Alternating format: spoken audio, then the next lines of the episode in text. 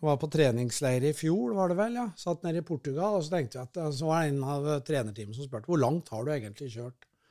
Og det hadde ikke aldri tenkt over. Men så Ja, totalt, liksom? totalt, ja, gjennom de 23 åra nå, da. Mm.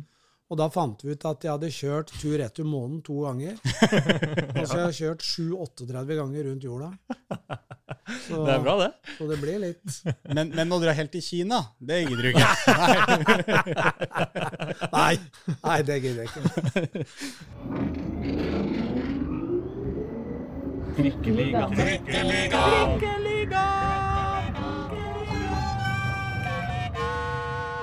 Hjertelig velkommen til uh, Trikkeligaen. Det er uh, det intets, den intetsigende sesong tre. En meningsløs episode 30.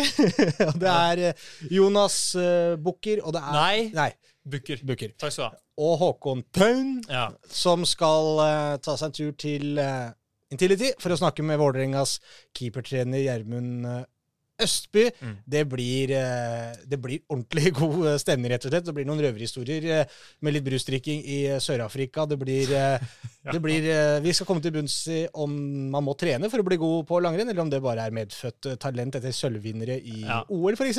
Det er, eh, det er nesten så vi må rette en takk til eh, Freddy for spørsmålene på en måte, eh, som vi har fått inn. Ja, Freddy var på hugget. Ja, Freddy eh, og Tom Henning Hove, ikke minst. ja, som kom og, og alle andre. Og alle for andre. et kok det har vært Ja, på og vi har klart å, tror jeg faktisk vi har klart å ta nesten, fått med oss nesten alle spørsmåla Ja, som ble sendt si, sendt inn altså. Og det Ja. var tror kanskje ny rekord Ja, på det, ja, det innsendte spørsmål. Og det er kult når vi skal ha en som veldig mange betegner som en eh, Vålerenga-legende. Og noen vil at han til og med skal, eh, skal gi oss svaret på hvordan man løser absolutt alle problemer i uh, Vålerenga.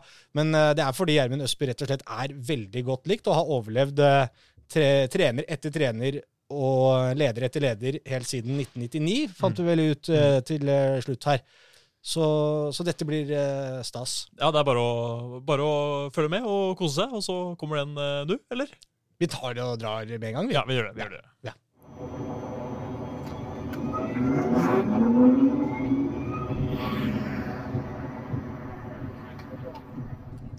Da er vi på plass eh, på Intility Arena, på vår eh, faste krok eh, i enden av eh, stadion, ved bortetribunen her. Det er glovarmt inne i drivhuset, men vi har fått inn en, en trivelig kar. Det må vi kunne si allerede før vi har prata med deg, Gjermund, for vi har fått inn så utrolig mye hyggelige både hilsener og spørsmål når vi annonserte at du skulle være gjest. Så vi gleder oss veldig til denne praten. Jeg vedder på at dette her kommer til å bli en ordentlig god episode. Jeg vet, regner med at du tør å vedde imot. Nei, jeg vedder ikke. Nei, du gjør ikke det. Jeg er ekstremt dårlig på veddemål, så den vil jeg nok tape. Men eh, hvorfor har du, hvis du er så dårlig, hvorfor har du vært borti så mange? Nei, det er jo fordi at det blir eh, vi, vi diskuterer ofte og har det mye moro sammen, og så blir det plutselig noen som slenger ut at eh, skal vi vedde på det, og jeg klarer ikke å holde meg. Jeg, jeg, selvfølgelig, jeg blir med på det. For du har troa når du går inn i det? Ja, ja, ja, ellers hadde jeg aldri gjort det. Men eh, jeg er ekstremt dårlig til å vinne veddemål. For eh, Det er et spørsmål her som har kommet inn fra en som heter Colin Osvald, som lurer på om det er noen veddemål som går akkurat nå, og som vi kan glede oss til at du taper. Nei. Eh, klok av skade så har jeg blitt litt mer eh, forsiktig med de veddemåla nå i de seinere åra. For det, det, var, det gikk over stokk og stein. med måtte gjøre alt som var, så det var greit å roe seg ned litt. Rann, og Eh, Det var såpass. Hva hva er det verste du har måttet gjøre? Eller kjipeste? Det var vel egentlig å løpe naken rundt treningsfeltet på en treningsleir nede i Hamburg for mange år siden. Det hørtes ut som det var med Reka, da. Det var med Reka, ja.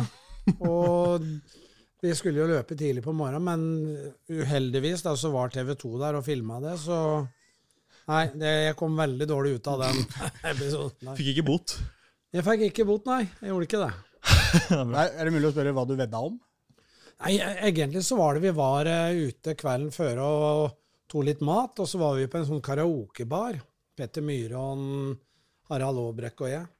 Og så var det tilfeldigvis en konkurranse om eh, da å synge karaoke. Og det var smite fullt med folk, og det var dommerpanel og hele pakka. Og da var jo spørsmålet Da klumsa vi da hvem som skulle synge. Og jeg tapte jo selvfølgelig. Men eh, så sa jeg at det nekter jeg å gjøre. Så da fikk jeg alternativet enten synge der, eller løpe naken rundt feltet morgenen etterpå. Så tenkte jeg at det, det er jo ingen som ser at jeg løper naken tidlig på morgenen. Nei. Så jeg valgte det i stedet. Det, det, det viser jo hvor ekstremt dårlig jeg er til å synge. Og ikke turte da å ta den der karaokegreia.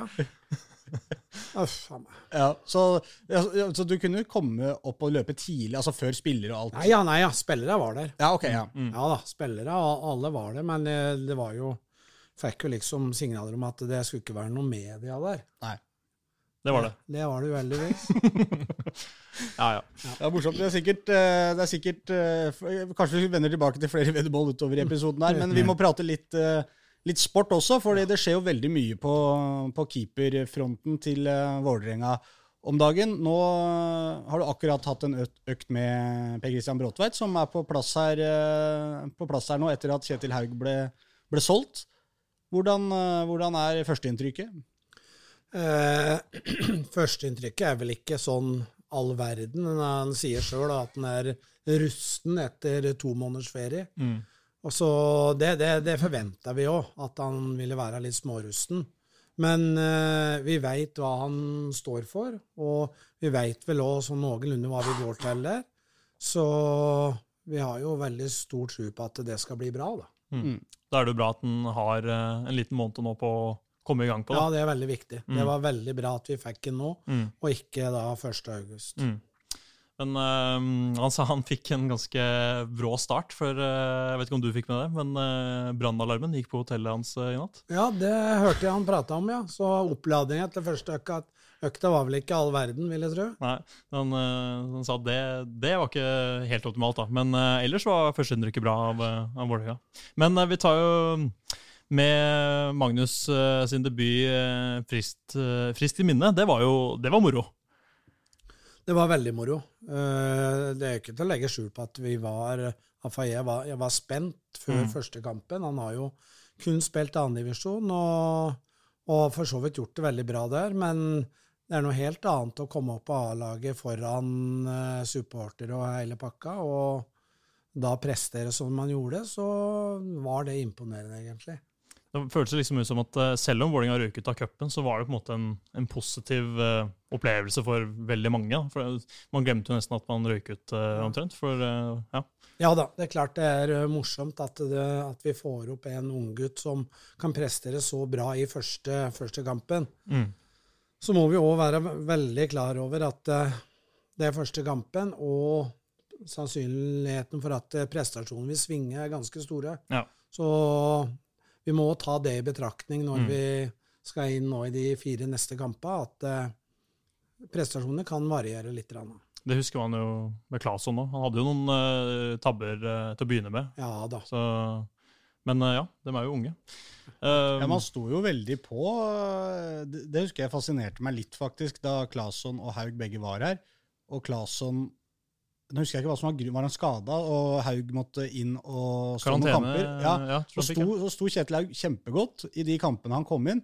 Men da sto man veldig i at Claesson skulle være førstekeeper. Mm. Og selv, eh, selv om Haug hadde stått godt, så kom Claesson inn. Men i sånne avgjørelser som det der, hvor mye er det du på en måte har å, har å si i dette sånn opp mot tre, hovedtreneren? Nei, Dag Eiliv og jeg vi prater mye om det. Vi diskuterer ikke så mye, for vi er veldig enige om hvordan vi ønsker det. Og samme når vi da gikk for Kristoffer som førstevalg, sjøl om Adam Larsen var her, Mm. så hadde vi en prat om det, og vi blei enige om at vi, vi går for Claesson, og vi regner med at det vil komme feil. Men vi var tydelige allerede fra starten av at Kristoffer er førstevalget, og det, det om man gjør feil nå og da, så vil ikke det påvirke valget vårt. Mm. Og det var vi òg klare på overfor Kjetil, at eh, når, han, når da Kristoffer fikk rødt kort nede i Mjøndalen, og Kjetil sto den kampen veldig bra, Mm, og han sto neste kamp veldig bra, mm. så var allikevel Kristoffer førstevalget. Åssen tok eh, eh, Adam Larsen eh, det, da han fikk beskjed om at han ikke var førstekeeper? For det, det var han jo året før, i hvert fall. Ja da, det, det er klart det er alltid kjedelig å få den, den meldinga, den beskjeden der, men Adam også skjønte vel egentlig det, at han han sleit litt med skader og sånne ting, som gjorde at han ikke fikk trent noe særlig i det hele tatt den vinteren Mm. hvor eh, vi tok den avgjørelsen med Kristoffer. Og den var jo òg bygd litt på at eh, kroppen til Adam skranta litt, og sånn sett eh, ikke fikk trent maksimalt. Mm. Og det, da vil jo kurven på sikt uh, dale. Mm. Men så ble det jo Ja. Jeg tenkte på bare hvor viktig er det eh, for en ung keeper å få den tilliten, tror du?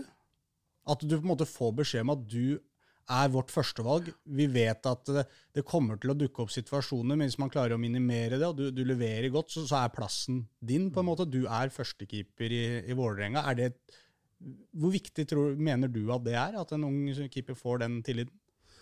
Eh, den er ekstremt viktig, men det har ikke så mye å si om man er 19 år eller om man er 32 år. Fordi at eh, for en keeper sin del så er trygghet og tillit veldig viktig.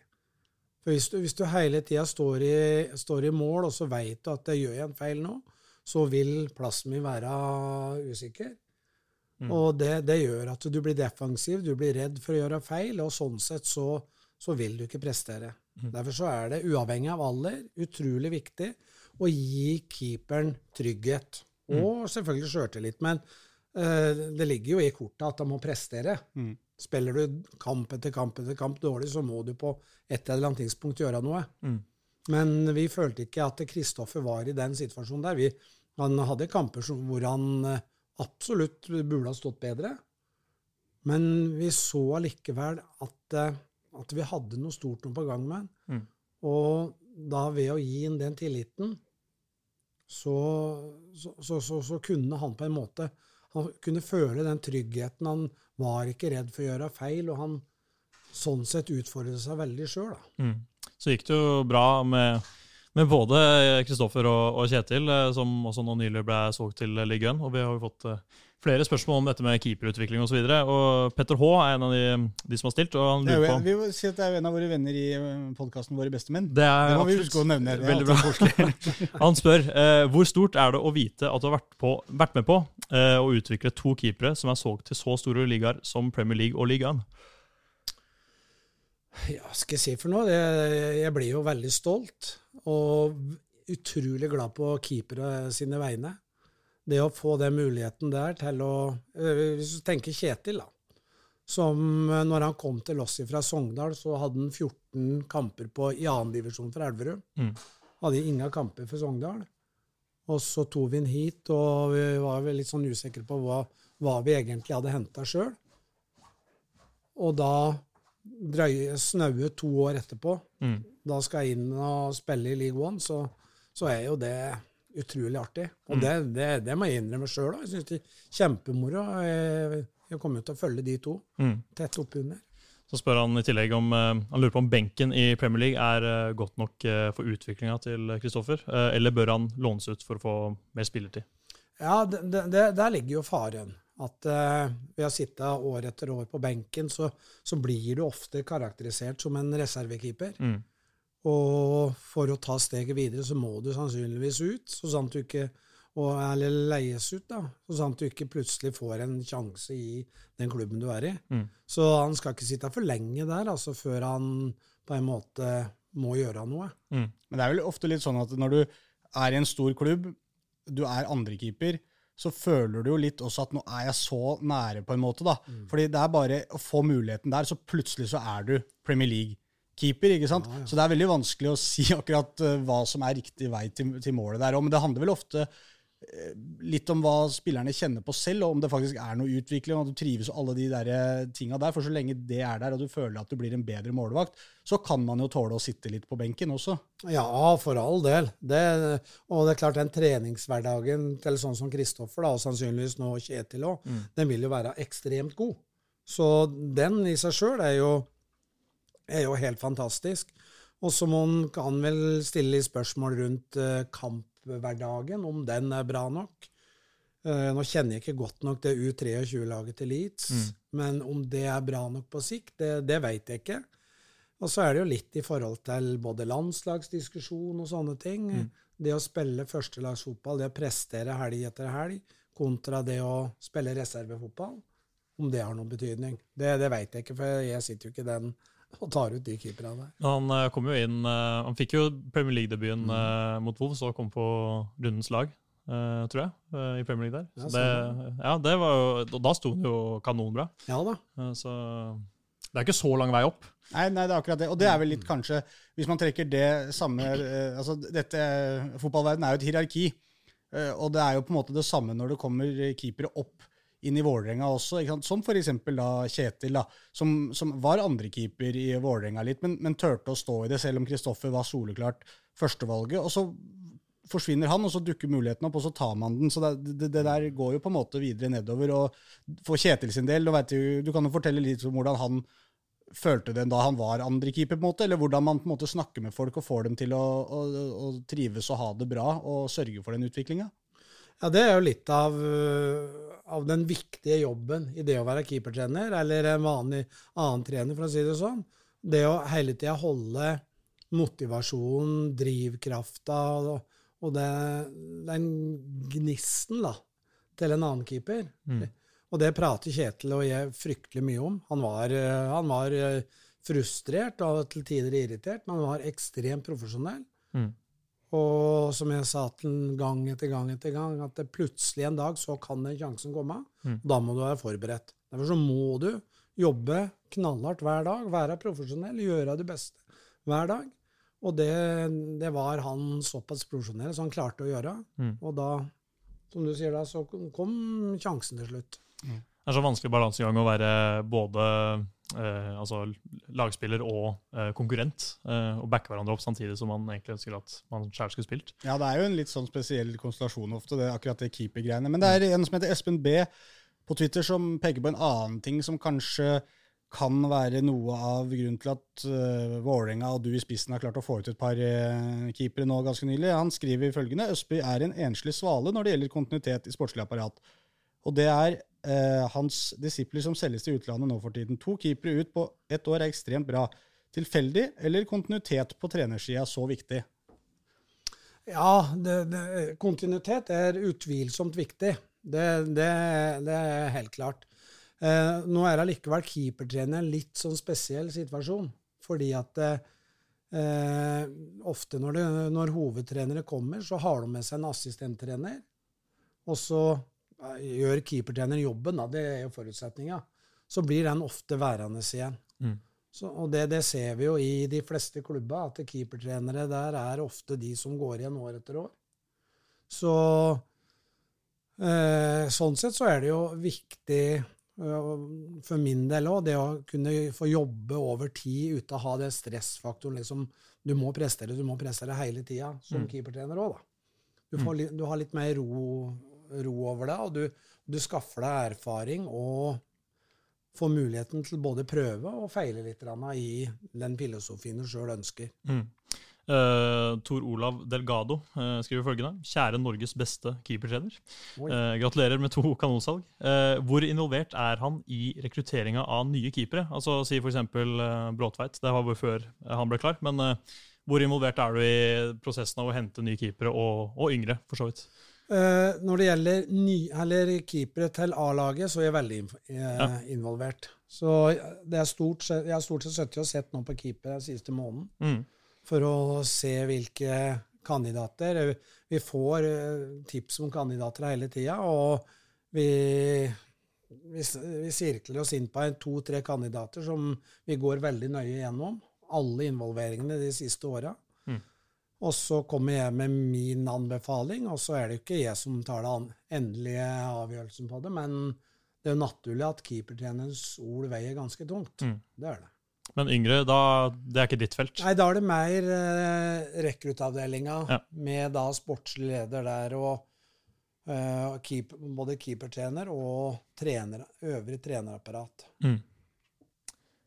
Eh, jeg fikk et spørsmål til som jeg ikke husker hvem var fra. Men eh, han lurte på om du har eh, om du har fått tilbud fra, fra andre klubber, om å, om å, og spesielt fra utlandet, om du har blitt rekru- eller, ja, vært etterspurt. Ja, det, det har jeg vel egentlig gjort. Jeg har fått i, eh, i tilbudet fra en eliteserieklubb her i Norge som greit å ikke nevne navnet på. Og så Lillestrøm? Nei, det har jeg ikke. Det hørtes litt sånn ut. Nei, nei jeg har ikke det. Lillestrøm har ikke vært noe tema. Og så fikk jeg tilbud fra en kinesisk klubb en gang, yes. for noen år siden, om jeg kunne tenke meg å komme ned dit. før det var en, en, en eller annen russer eller hva det var for noe, som hadde vært på trening av våre Vært og trent. De hadde trent han oh, ja. tidlig på 2000-tallet. Jeg husker ikke det sjøl. Men så hadde han fått i oppgave å finne en uh, europeisk keepertrener. Hmm. Så da ble jeg kontakta og lurte på om jeg kunne tenke meg det, men det var, Kina frista ikke. det var ikke noe for meg. Men den andre eliteserieklubben? Var det, var det noe Ja da, det kunne ha vært eh, vært ålreit, det, men jeg er glad i Vålerenga, så jeg må innrømme, innrømme det. Ja, Det er, det, er jo, det er jo flere som har fått med seg at du er, at du er veldig glad i Vålerenga. Det er jo, som jeg var inne på i starten, her, utrolig mye skryt du får her. Jeg vet liksom ikke helt hvor god du er til å ta det, men jeg tenkte jeg skulle, skulle jeg, må, jeg må nesten lese de opp, for det er jo såpass hyggelig å høre, da. En som heter Christian Kjeldsen, som har eh, skrevet inn her eh, Helstøpt, en lojalitet og utholdenhet andre kun kan sniffe anklene til. Din dedikasjon har alltid imponert meg. Utover bunnløs kjærlighet til klubb, hva kan du rådgi våre rådløse trenere, skuffa supportere og fablende ledelse med? Noen ord fra deg om tålmod og suksess, kanskje? Han legger mye Han, han skryter mye, han legger mye, mye Ja, på det det her. var, han var djup, den der. Takk, takk for det, Kristian. Det var jo veldig hyggelig sagt. Og jeg tror ikke jeg skal eh, veilede eller eh, fortelle hva trenere og administrasjon og sånn skal gjøre i Vålerenga. Jeg tror de veit best sjøl. Ja. Men uh, det var veldig koselig å høre, iallfall. Ja. Setter pris på det. Ja, Det er en som heter Engamann også, som rett og slett skriver du er en sann klubblegende. Uh, alle disse årene du har vært uh, trener for eh, I alle disse årene du har vært eh, i klubben, så har du jo hatt eh, mange keepere. Kan du si hvem du mener er de fem beste keeperne du har trent i klubben? Oi, det, det, var, eh, det var utfordrende. Som regel så bruker jeg få eh, spørsmål om hvem som har vært den beste, men de fem beste det Du kan korte ned Du kan godt starte med den beste, da. ja, beste totalpakka var nok Lars Hirschfeldt. Ja, det var det. Han, han på sitt beste var veldig god. Mm. Og han var en veldig ledertype og godt likt i miljøet og sånne ting, så han, han var nok sannsynligvis den beste. Arne Gauter Arason Mm. vil nok være en, en nummer to. Eh, og så hadde jeg jo òg veldig sans for Troy Perkins, Mm. med den profesjonaliteten som en amerikaner ofte har. Mm. Så var jo han òg veldig langt framme. Så det er vel de tre Jeg har sikkert glemt noen som jeg syns hadde sansen for òg, men Øyvind Boltoff. Øyvind var jo en, eh, en fantastisk keeper å ha i ja, Øyvind og jeg jobba sammen i ti år. Ja. Og mer profesjonell uh, keeper skal du lete lenge etter. Mm. Han ble vant til den uh, reserverollen, kanskje? Ja, han ble Mm. jo vant med den, sjøl om han aldri uh, egentlig aksepterte den. Det var, det var tøft hver vår når vi offentliggjorde hvem Ja. som skulle være førstekeeperen. Øyvind var like forbanna Mm. hvert år. Som, og det gjorde jo at, vi, at den var veldig profesjonell. Da. Mm. Så Øyvind hadde jeg veldig sansen for, og et godt forhold til. Vi har jo, du har jo vært eh, keepertrener i Vålerenga veldig lenge. Ja. Eh, 2001 er vel eh, det vi har funnet fram til har vært første året. Nei, Der, ja. 1999 Okay. begynte jeg. 99 under Drillo. Ja. Så du jobba med Drillo, altså? Ja. Yes. Var det Drillo som henta deg? Ja, det var vel den perioden der, ja. Vi må, vi, må jo ta, vi må jo gå litt i, um, i, i bakgrunnen her. for du er jo, Jeg regner med at du har vært keeper sjøl en gang i tida. Eh, hvor, eh, hvor begynte du, og hvordan var din eh, fotballkarriere? Nei, jeg begynte jo Jeg er jo født og oppvokst på Kongsvinger. Så jeg sto jo i eliteserie, daværende førstedivisjon, da. Mm. I 83 var det vel, som 18-åring. Og så var jeg der i to år. Ble satt på benken i 84, og så gikk jeg til Fåberg. Mm. Var der et år i forbindelse med militæret. Da er vi oppe i Lill- Lillehammer. Da i Lillehammer-traktene. Ja. Mm. Og så flytta jeg hit inn til Oslo og spilte et år for Skeid i 86. Mm. Og der fikk jeg en veldig stygg skade som gjorde at jeg i realiteten måtte legge keeperhanska på hylla. Mm. Spilte litt annendivisjon oppe i Trysil og sånne ting. I, nei, i Bersund i annendivisjon, men det ble aldri den store satsinga lenger. Mm. Så da ble det egentlig at det gikk over til en trenerkarriere, da. Mm. Skjedde, skjedde det fort, på en måte, sånn at du bestemte deg i hodet ditt eh, rimelig kjapt at du hadde lyst til å fortsette med fotball, og da som keepertrener? Nei, jeg var eh, I utgangspunktet så var jeg hovedtrener fram til jeg begynte i Vålerenga. Så jeg var hovedtrener i Elverum i flere år, i Obos-ligaen, eller det heter jo Nest øverste, da. nest øverste, ja. Ja. Så jeg var der, og så var jeg litt kretslagstrener. litt- Men så begynte jeg da etter hvert med å bli keepertrener. Er Litt på U21 damelandslaget, var i noen år. Og så ringte da Vålerenga. Lars Kjernås var det som ringte meg, tror jeg. Ja. Og lurte på om jeg da kunne tenke meg å komme til Vålerenga. Da sa jeg at jeg diskuterte med fruen, Line, hjemme, og vi ble enige om at jeg, at jeg skulle ta ett år. Så fikk det holde, for det var jo lang vei å kjøre. Så ble det den veien i 23 år? Eller? Det ble den veien i 23 år. Ja, ja, for du har ikke du har ikke funnet det for godt til å flytte til, til Oslo? Nei, jeg har ikke det. Altså, jeg, er eks jeg bodde jo først på Elverum da, de første ti, nei, sju-åtte åra. Ja. Og så flytta jeg til Gjøvik. Så, så det er der jeg har kjørt ifra nå de siste 15 åra.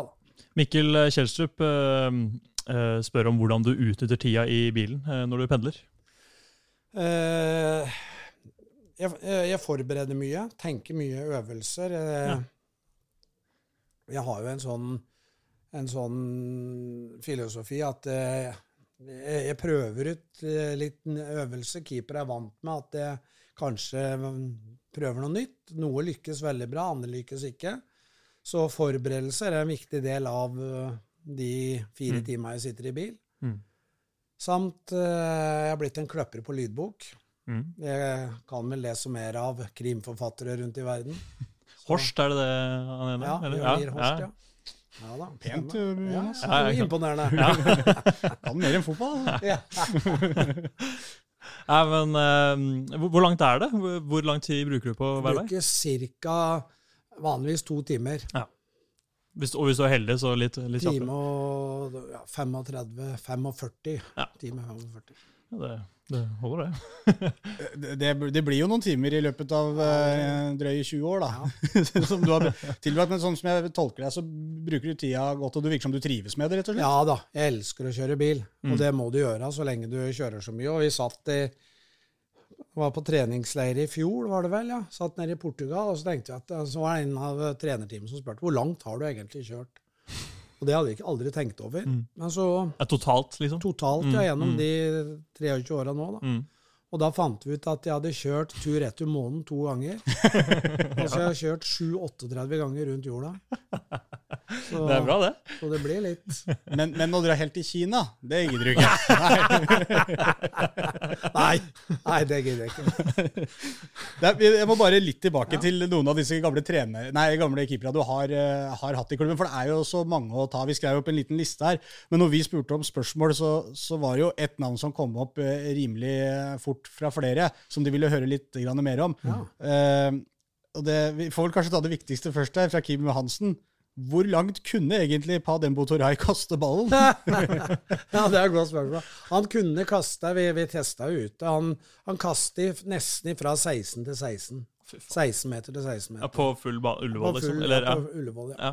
ja. Wow. Det Det, er fryktelig langt. Ja, ja, han var eh, er det 80 meter, da? Eller over det? Ja, det har jeg aldri tenkt over, men Nei? Det, Ja, det er, man, man husker kanskje ikke lenger hvor langt man kasta storball i, i gymmen eh, da man var liten, men du skulle være sprek hvis du kasta fra dørlinja nede og opp til midtbanen. Altså, det, det var ikke noe som var i nærheten av det, egentlig. Altså, du kaster ja, ja. ja, det er langt. Det er fryktelig langt.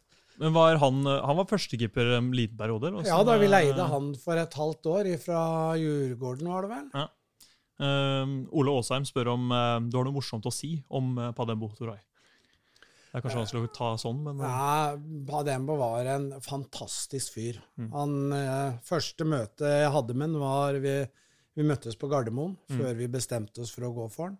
Og jeg hadde en lang prat med ham der, og, og ble egentlig fascinert av han fra første stund. Mm. Utrolig blid og hyggelig. Eh, kunne være litt frustrerende å jobbe med, for en dag så var han fryktelig på og fokusert. Andre dagen så bare smilte og flirte og Det var enten eller. Det var enten eller, ja. Mm. Så det var alltid like spennende å komme på treninga om Mm. dagen. Åssen mm. er, for- er fokuset i dag? Mm. Men når han var fokusert, så var han en fantastisk keeper. Mm. Ehm, litt tilbake til typer, da. Demo tror jeg er jo en av dem, selvfølgelig. Men eh, banditten i midten eh, spør eh, hvem var den beste av Mikael Langer og Sasha Burkert? Og eventuelt en gøy historie på lager om de to. Eller en av dem, eller begge. Ja, Mikael var nok den beste. Mm. Grunnen til at vi hentet Sasha, var at Mikael fikk en ganske alvorlig kneskade. Mm. som gjorde at vi ikke tok sjansen på Vi visste ikke når han var klar igjen. Så Mikael var god, absolutt. Mm. Men det klart det ble jo en litt sånn kunstig situasjon, for der hadde vi jo da Michael Langer, Sasha Borchert og Lars Hirschfeldt. Ja, og så henta vel inn han eh, finnen nå. Han eh, til Lillestrøm Ja, Ja, stemmer. Hva het han? igjen? Husker du hva han het? Otto? Er det sånn? Otto, ja. Stemmer. Fredriks Otto Ja. Du spør meg om jeg husker det. Det Ja, ja. du, som, det er du som er Nei, banken Otto på sånt. Fredriksson. Ja. Så vi hadde en periode, kort periode der hvor vi hadde fryktelig mange keepere inne. Ja, ja. Og litt eldre og rutinerte. Ja, også, Mm. ja. Og det, det var jo Ja, det var litt spesielt, for all del. Alltid så, For både Michael og Sasha, de, de var jo på vei ut. Mm. Lars var på vei ut. Mm. Og da klare å holde i motivasjon til de tre oppe, for det var jo Ja. erfarne keepere alle sammen. Ja, for eh, Lars Hirschfeldt var i Vålerenga fram til 2015, Mm. men var jo nesten ikke noe tropp i de to siste åra. Nei, han var ikke det. Hva var situasjonen der? Eh, Nei, det var fordi at vi, vi ønska jo på en måte å Da kom jo Gud, Gudmund Kongshavn opp. Mm. Han henta vi jo som 15-åring, og vi så jo potensialet i han. Mm. Så vi ønska da å, å satse på han. Eh, men så ble jo han skada, og så var det mye fram og tilbake. Men det, det var liksom grunnen til at eh, Lars satt på benken. Mm. For han var jo han var jo kanskje ikke den billigste mannen å ha, å ha sittende utafor troppen. Nei, det var han nok ikke. Mm. Det var nok ikke det. Men uh, vi kunne jo liksom ikke tenke på det. Vi, vi plukket den vi hadde mest trua på for framtida. Mm. Og Lars begynte å bli en aldrende mann, så da Mm. Var det naturlig å gå for Gudmund. Men det er jo når du, når du snakker om alle disse keeperne, og folk vet jo, de som har eh, drevet litt med fotball sjøl, at keepere har jo et stempel på seg som å være de litt, eh, de litt snodige i, i troppen. De litt, eh, ofte litt annerledes eh, folka. Og du hadde en liste på noen spillere i stad som du syns var veldig gode, men hvem er liksom vært de artigste, snåleste Ja. typene du har hatt eh, Den innom rareste her? keeperen. Rareste keeperen, ja. Oi, den var eh, Den var nok spesiell. Nei, det, måtte, det, det må være Pa Dembo Turan Ja. også. Det må være det, for han, han ble jeg egentlig aldri klok på. Han, det var eh, mye særheter, og det var mye ja, Ikke noe sånn noe feil eller noe sånt, men mm. han var en snodig person, altså. Mm. Visste aldri hva du fikk, på en måte. Aldri. Mm. aldri. Men Gudmund var litt sånn eh, Han hadde litt sånne loco-tendenser, han òg. Ja, Gudmund òg var eh, vi, vi måtte kjøre og var voksenoppdragelse på han òg. Husker han kom en, kom en morgen, så hadde han fått et fryktelig kjøttsår i, oppå hånda si. Lurer på all verden han driver med nå. Og da skulle han dele frosne karbonader. Så hadde han kjørt kniven imellom de karbonadene og bomma og truffet i hånda si. da. Han kunne jo ikke trene på flere dager, og da Ja. Da, men da, der er det mange spørsmål som dukker opp. Altså hvor, to frosne karbonader inntil hverandre, ja og så satt den på høykant og hånda un, under karbonadene. Helt korrekt. Holdt i karbonadene. Så det var en, en romstøling som trener Rosenborg nå, som ikke var veldig blid, for å si det mildt, når han ikke kunne stå i mål.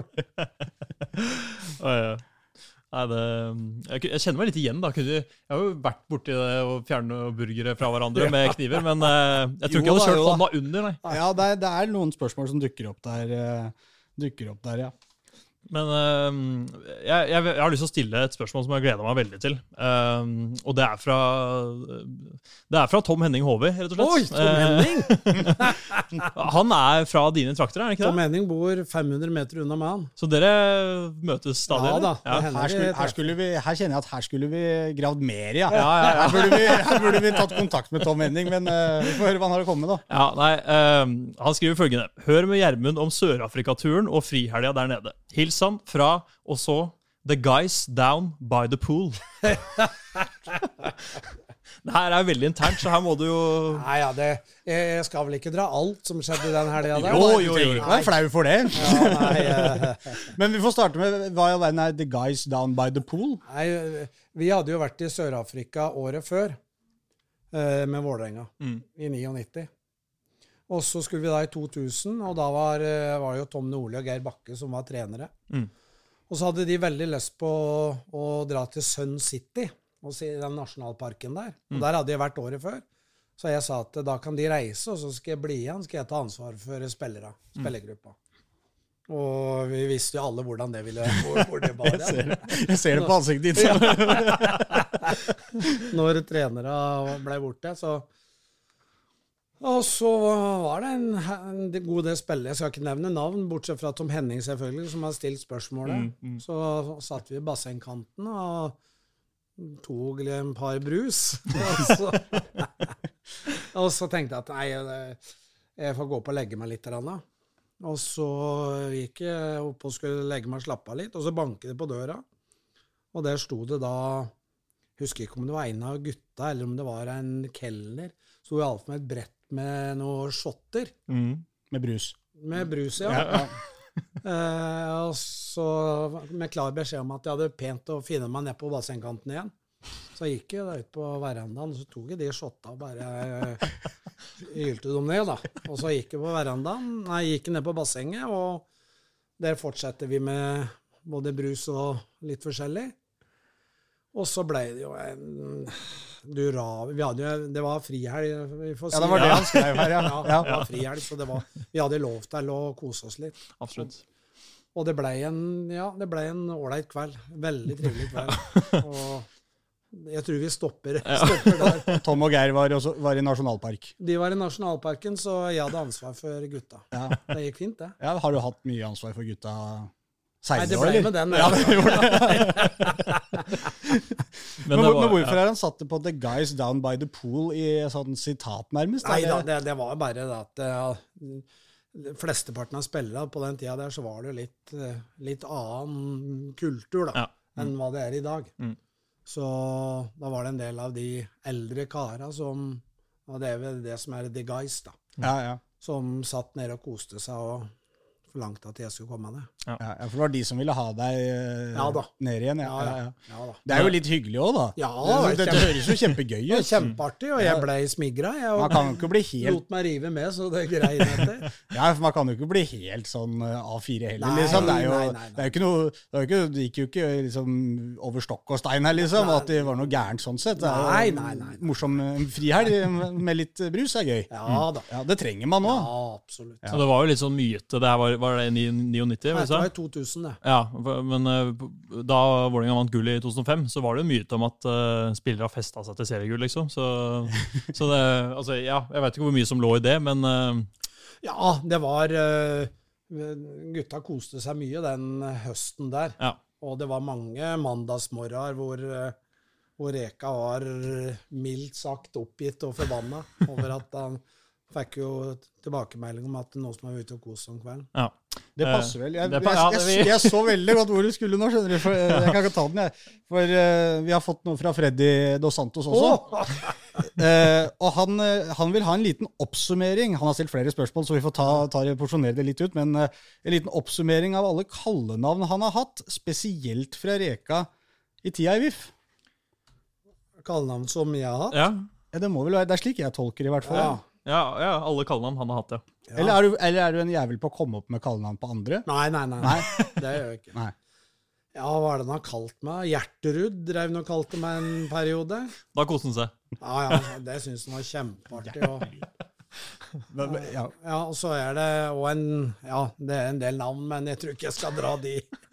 foran, foran mikrofonen der. Men uh, Reka var gode, glad i å navnkalle meg, ja. Han var det.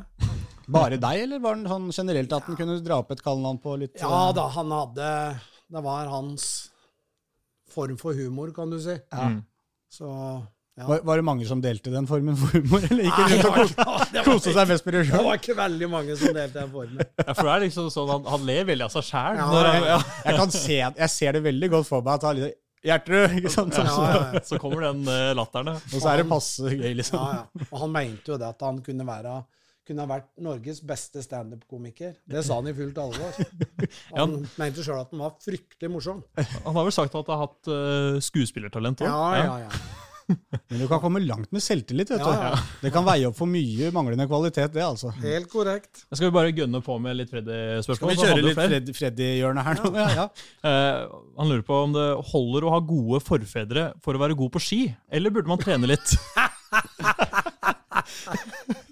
Ja, det, det var faktisk alt. Jeg, jeg har jo en, ja, en avdød far da, som tok med sølvmedalje i OL Ja. på ski. Og Når er vi i da er vi tilbake på 60-tallet, 1960, Skåvelli. Ja. Og noe bronse i VM og litt sånne ting. Så han var over snittet god, da, Ja, ja. for å si det sånn. Ja, hva var navnet. Einar Østby het han. Einar Østby. Det, det er jo noe man har hørt, er det ikke det? da? Hvis du er skiinteressert og litt oppi åra, så har du nok hørt det navnet der, ja. Ja. Nei, Reidar har sikkert nevnt det navnet i en eller annen sammenheng. du. Ja. Nei, men fortsett. Men så Så jeg gikk jo en del på ski òg. Og så tenkte vi altså i, I min dumskap på trenerkontoret sammen med Ronny Deila og altså, folka der, så sa jeg at, det- at det det er ingen som er i nærheten av å slå meg på ski. Og da Du sa det? Ja, ja. Ja. Det ble jo et veddemål. Lukter veddemål. Ja, stemmer det. Ja, Ja, ja det filma vel Ja, det ja, filmet, ja, stemmer det når Ja. du sier det. Ja. Hvem, hvem var det du eh, mente at det ikke var ingen som var i nærheten av de i trenerteamet? Det var jo da Johannes Mosgaard, Igor Aase, Gard Holme og Ronny Deila. Mm. Så skulle det opp i Grefsenkollen, eller hva det heter for noe. Jeg skulle gå klassisk, for jeg har jo aldri gått skøyta. Jeg gikk jo klassisk. Jeg var faktisk da jeg var 15-16-17 år, så var jeg en habil skiløper. Jeg trente jo mye på ski sammen med pappa. Mens de andre skulle eh, da gå skøyting. Og jeg var jo klokkeklar på at eh, de ville nu- gå ifra meg i starten, men så ville jeg ta dem igjen etter hvert. Men når, når vi da starta, og de dro av gårde, så måtte jo jeg, jeg gi full pinne for å være i nærheten av dem. Jeg har gått 50 meter, så var jeg kanonstiv. Helt ødelagt. Og de gikk jo av gårde, vet du, og det Jeg hadde jo ikke en nubbesjans. Sånn halvveis i løpet, som bare datt jeg lå i fosterstilling, husker jeg. Utafor løypa der så kom det en lita jente og spurte går det bra med deg, eller? Hun trodde hun var død, og gutta lo. Gutta hadde jo kommet i mål allerede, og jeg lå en 2,5 km bak dem. Helt ødelagt. Så, så derfor så ble det Det ble med bare den turen der. Ja, men det var synd det ikke ble med bare det veddemålet. Ja.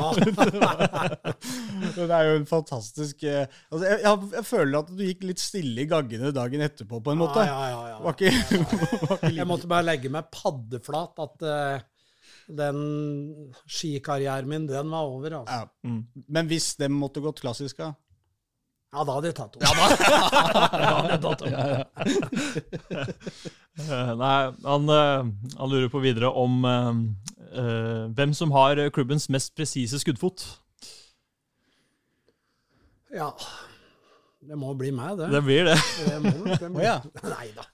Ikke sant? Der har du, du, du sitter nettopp og forteller en historie om hvordan du gikk kjempehøyt ut og skulle slå alle i langrenn, og vedda på det, og så skal, kommer du nå med at du har den mest presise skuddfoten. Der får du litt lyst til å si skal vi vedde, da? Ja, eh, dere må jo kjøre altså, tverrliggerkonkurranse nå, med, med enten trenerteamet eller noen, noen spillere, tenker jeg. Ja, nei da, det eh, Jeg veit ikke hvem som har det nå, men det er klart at når du står og gjør det samme hver dag i over 20 år, så, så blir du presis på foten etter hvert. Krafta er ikke det den var eh, for eh, 30 år siden, men presisjon er nok bedre enn noen gang, egentlig. Mm.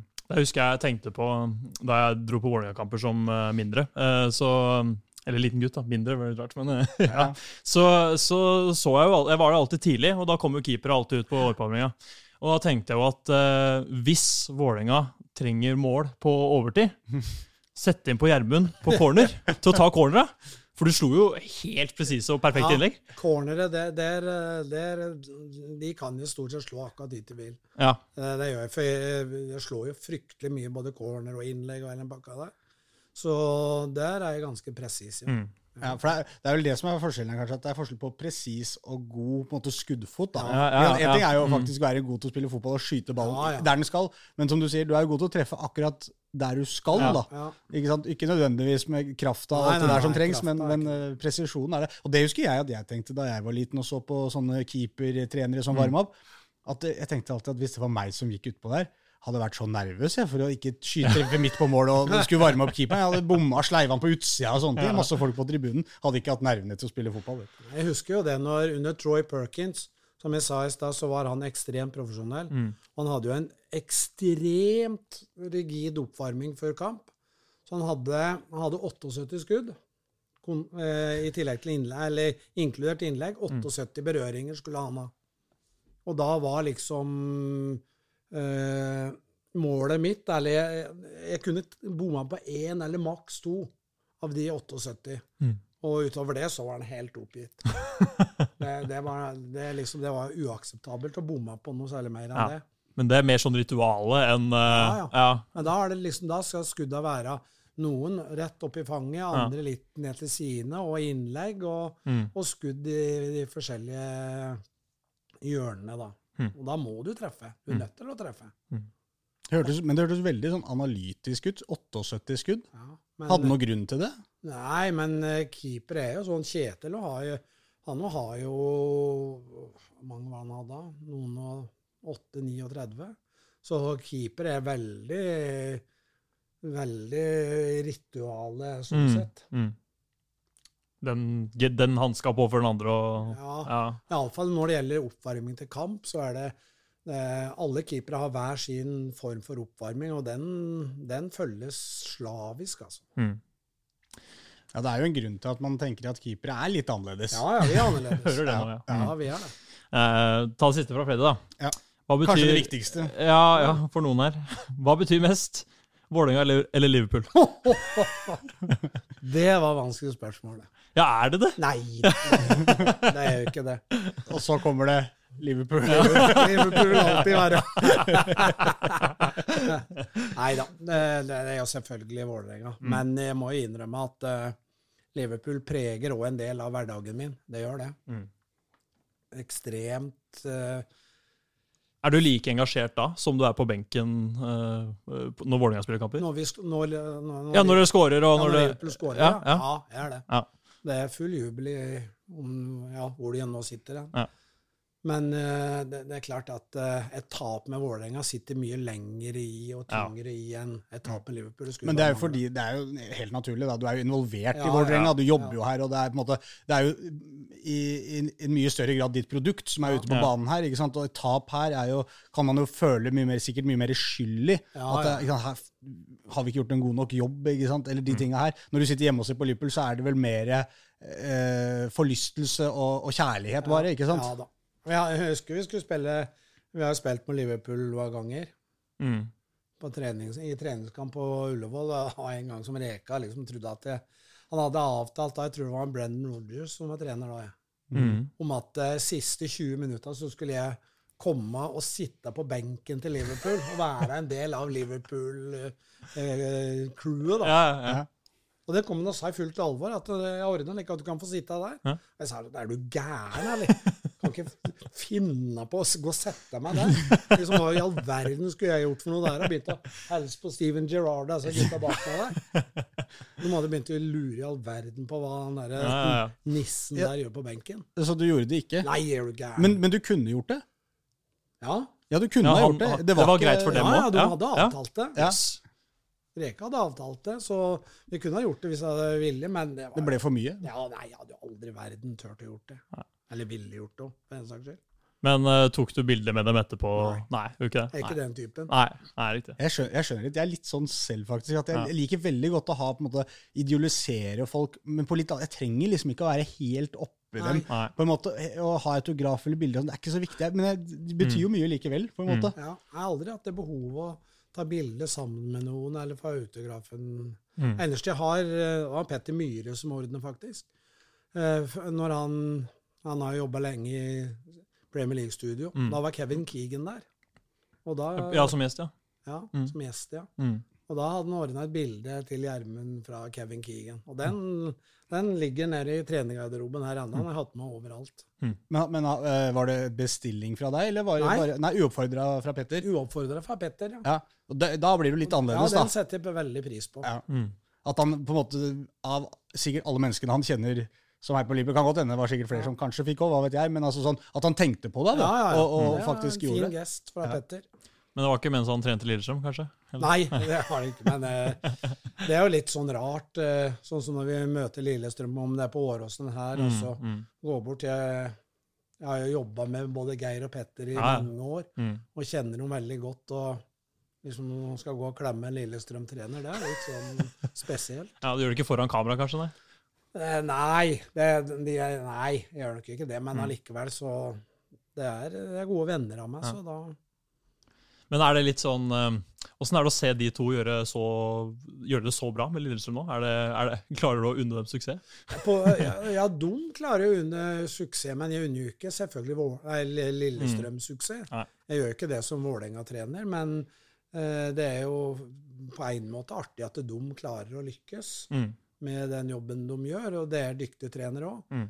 Men det er klart at jeg skulle jo veldig gjerne hatt dem bak oss. Mm. Eller, eller hatt den duellen helt der oppe i toppen mellom de Ja, to ja, lagene vært- hadde jo vært Mm. eh, helt rått, i hvert fall for, for noen. Noen Ja, hadde satt pris på det, men eh, men eh, det, det, er jo, det er jo sånn at vi, denne sesongen her har jo ikke gått helt på, på skinner for Vålerenga. Så vi får ta ett et spørsmål fra Fred Rosland her også, som lurer på hva han tenker om at vi slipper inn så mange mål. Fordi nå har dere sluppet inn 22 denne sesongen i seriespillet. Og forrige sesong så var det bare Bodø-Glimt som slapp inn eh, flere. Nei, færre. Ja. Ja. Og Går det an å forklare det på noe vis? Det er vanskelig, altså, for det, det er eh, Selvfølgelig så har vi jo mm, det, det, det er jo hele laget sitt ansvar, det at vi slipper inn. Og det, det, det, virker som at eh, motstanderlaget ikke trenger all verdens sjanse for å score på. Så om det er individuelt eller lagmessig, det syns jeg er vanskelig å si noe om. Mm. Men det er jo betenkelig at vi slipper inn så mye mål. Mm. Det er ingen tvil om det, og det er jo både keeper og jeg som har en del av ansvaret for det, selvfølgelig. Mm. Det er ikke så mange direkte keepertabber, kanskje? Eller? Nei. Vi hadde den eh, til Kjetil mot Rosenborg, selvfølgelig. Men, Ja, Ja, det er vel Sandefjord største. Ja. Ja, ja, to der iallfall. mm.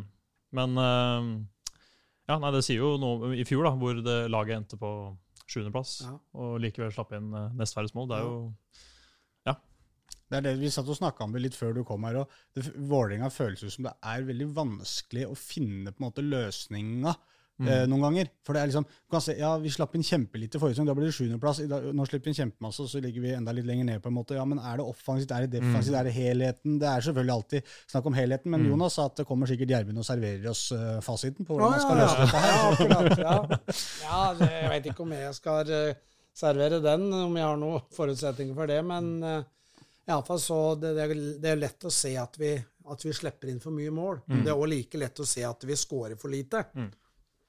Når du ser den kampen vi har med Bodø-Glimt, jeg har sett sett på den nå i dag, mm. så har vi jo kjempekjanser. Ja, ja. Samme mot Odd der, at vi ikke scorer på en del av de sjansene mot det.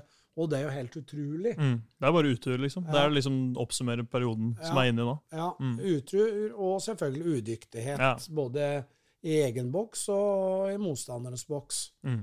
Men det positive oppi alt, det mørke, da, for å si det sånn, det er jo at vi skaper iallfall uh, sjanser. Mm. Det hadde vært mye verre hvis vi ikke hadde skapt noen verdens ting. Mm. Så det er jo å håpe at det løsner snart, da. Mm. For det er jo, eh, det eksempelet har jeg brukt noen ganger når du, apropos Liverpool. da. Man snakka om Sala Salah der, eh, i starten i Liverpool. kom til vanvittig mye sjanser, men det var veldig lite som gikk inn. Og da satt jo alle og tenkte hvis, Og det, det sa vel Klopp flere ganger at bare, men så lenge han kommer til disse sjansene, når han begynner å score, så kommer det jo til å bli mye mål av det. Ja. Og det er litt den følelsen man har med Vålerenga også, at det, det er så lite som mangler før man er der. Uh, men så er det på en måte nå en gang sånn at en sesong er så lang den er, og man kan på en måte ikke vente i all evighet heller. Så det er jo et sånt kappløp mot tiden samtidig som man må uh, prøve å være tålmodig, og det er en vanskelig øvelse. Ja, det er veldig vanskelig. Det er veldig vanskelig. Men uh, apropos det, var ikke Sale skåret ikke han med en gang? han Var ikke han Nei. Han var, var sånn, han skåra jo litt mål, men det var sånn, han kunne Ja, okay, skåra ja, så veldig mye mer. sånn, ja. ikke sant? Han var ineffektiv, liksom. Mm. Men uh, vi har jo noen flere spørsmål. Uh, ZMO57 spør om eh, er det flere eh, talentfulle keepere som kommer fram etter Sjøeng. I så fall hvem? Vi nevnte jo at Storm nettopp har tatt eh, lappen, men det er vel flere bak han òg. Ja, det, det er det. Men eh, de, vi, de vi har mest fokus på, som vi har størst trua på akkurat nå, da, Mm. det er jo Magnus, selvfølgelig. Vi, har, vi tror han kan bli ordentlig god. Mm. Og samme med Storm. Storm uh, Kolbjørnsen. Han, eh, han har en Han har litt den derre Claesson-faktene over seg. At han er tøff i dueller, har en sånn råskap som Mm. som Kristoffer òg hadde, som gjør at han òg er veldig spennende. Han er jo to år yngre. Mm. Om, eh, om Magnus så sa jo Tollås eh, at eh, han er akkurat nok gæren til å bli eh, så god som mulig, på en måte. Ja. Altså Han er ikke, han er ikke for gæren eh, som keeper. Han er liksom perfekt balansegang der. Jeg vet ikke om du Ja I da. Magnus, da. Ja da. Eh, Det er, jo, det er jo sagt med litt sånn fleip fra mange at keepere skal være spesielle, men du må være litt spesiell. Du, Mm. må ha en, du må ha en mentalitet som gjør at du ikke er redd for å gjøre feil. Og, at, og når feilen oppstår og måla kommer imot, så må du være sterk nok til å tåle det. Mm. Og da må du være litt spesiell. Mm. Og Magnus òg er den typen. Og han er han har en eh, ro og trygghet og en sjøltillit, iboende sjøltillit, som gjør at han forhåpentligvis, da, tror vi, Mm. ikke bli prega av eventuelt en feil som måtte komme. Mm. Og det, det, det er ikke alle som har det, altså. Nei, Han virka liksom veldig rolig fra starten mot Ja. Glimt. Så det var imponerende. Absolutt. Mm. Og det, det er jo det. Det var jo my, veldig mye av fokuset vårt før den kampen der. Og Mm. det å beholde roa og spille på ekstremt stor sikkerhet. Mm. Ikke ta noen sjanser med ball i beina og sånne ting. Gjør det enkelt. Og så får eventuelt eh, feinschmecker-biten komme etter hvert. Mm. Ja, for Det er jo litt oppskriften sånn på en eh, hvilken som helst ung debutant som skal Ja. spille, så er jo det hvor det nå enn er på banen, Ja. så er det jo noe med det derre å, å, å tørre å være feig, på en måte, da. Mm, ja. Og ikke måtte vise seg fram fordi du endelig får en mulighet. Mm. fordi måten å, og for en keeper er det kanskje enda tydeligere, fordi du blir jo målt på veldig få involveringer ofte da, i forhold til utespillere. Så det er viktig at de få involveringene du har, at det ikke er eh, noen brølere, i hvert fall. ja, ja. Ikke sant? For det er tungt, uh, uansett hvor sterk i huet du måtte være. da. Absolutt. Mm. Og det er jo viktig òg for en når, når- en ny keeper kommer inn i målet, så er det viktig òg for den å skape trygghet for seg sjøl, men ikke minst for spesielt da bakre fireren. Mm. Det at den er trygg på at eh, skal du klarere, så klarerer du. Mm. Er det et innlegg i feltet som du bør ta, så kommer du. Mm. Liksom skaper den tryggheten der, den er ekstremt viktig. Og da, da er det da er det å spille litt safe i starten, og så vil automatisk sjøltilliten bygges oppover ettersom du presterer. Mm. Og det er jo det vi håper med Magnus nå da, de neste kampene. Mm. Jeg føler at hvis du er en ving eh, som er innpå for første gang, så kan alle se at her burde han prøvd å utfordre. Ikke sant? Så, så spiller han en uh, pasning til sida, så er det helt, det er helt greit. Mm. Men det er mange, her, her burde han kanskje ha prøvd. Men på keeperplass så føles det ut som det er sånn Når det kommer et innlegg En keeper skal jo aldri gjøre noe han ikke føler seg 100% sikker på. Du kan si at her bør keeperen gå ut og plukke ballen, Mm. men hvis keeperen står med en følelse at jeg, jeg jeg, jeg er ikke sikker på om jeg når den. Jeg er ikke, jeg føler meg ikke trygg på det. Da kan du aldri si at det er feil av keeperen heller å bli stående på en måte. Nei. Altså, her kan du utvikle deg på å tørre å gå ut på de Ja. ballene der, men det blir aldri liksom feil på den samme måten å bli stående. Nei da, og det, det er jo akkurat det som er viktig, og en viktig del av jobben min, da. En ting er at jeg kan gjerne si til keeperen at her må du ut, Mm. Men så er det òg viktig å høre hva, hva tenker keeperen. Hva- Sånn som du sier der. Ja. At eh, min vurdering ut ifra eh, medspillere, motspillere, hele pakka, er at det er best å stå. Mm. Og så kan det jo være at den keeperen tar, en feil, tar et feil valg. Det Mm. kan det jo være. Men det er iallfall utrolig viktig å, å ha den samtalen med keepera. Mm. Med keeperen, da. Vi nærmer oss uh, slutten her. Vi har jo snart holdt på en time. Men vi må jo komme oss gjennom noen uh, til uh, lyttespørsmål. Um, Benjamin Einarsen, eh, hvilken kamp husker du best? Og da regner jeg med Vålerenga-kamp. da. Ja. ja, det er jo vanskelig, Mm. eh, fordi at eh, Jeg har jo vært i to cupfinaler. Vinner begge to. Og seriemesterskapet. Mm. Men det, det må nok være det må nok være Den største overraskelsen, for å si det sånn, Mm. det var cupen i 2008. Ja, Hvor vi hadde tappa var det 5-0 eller 5-1 mot Stabæk to uker Mm. tidligere. stemmer det. Og så kjørte dere over Stabæk. eh, Ja. Mm. Jeg husker vi gikk fra spillerhotellet eh, når vi dro ned på bana Mm. til Ullevål. Og Jan Erik Aalbu var jo sportssjef da. Han Mm. og jeg gikk jo sammen ut gjennom eh, inngangen, og så spurte Jan Erik meg liksom hvordan går det? Og så husker jeg sa at hvordan i all verden skal vi klare å slå Stabæk, som er seriemester, og kjørte over oss? Mm. Nei, jeg er helt enig, sa Jan Erik. Vi hadde ikke mye trua da. Nei. Så det var den største overraskelsen. Men den artigste er jo selvfølgelig seriemesterskapet i 2005. Mm. Og da den turen hjem igjen fra Skien i buss. Da ble det brus. Da ble det øl. Da var det ordentlige saker, Da da. var det ordentlige saker. Og da den, eh, den eh, mottagelsen oppe på rådhusbalkongen der, den, Mm. det er nok den største opplevelsen. Mm. Tror, vi, tror du du kommer til å få oppleve det igjen? Ja, jeg tror det. Ja. Jeg tror det. Mm. Ja, for hvor- du, har vel, du har vel 23 år tidligere? Du? Nei, men at jeg har eh, Hvor lenge kan du vente på et seriemesterskap? Ja, ja, det var det, da. Begynner å dra på åra, vet du. Men jeg har iallfall eh, skrevet kontrakt for to nye år. Mm. Så de to åra der tar jeg iallfall, så får Mm. vi se. Om klubben vil ha meg, om jeg er motivert for å fortsette å Mm. banke og kjøre bil.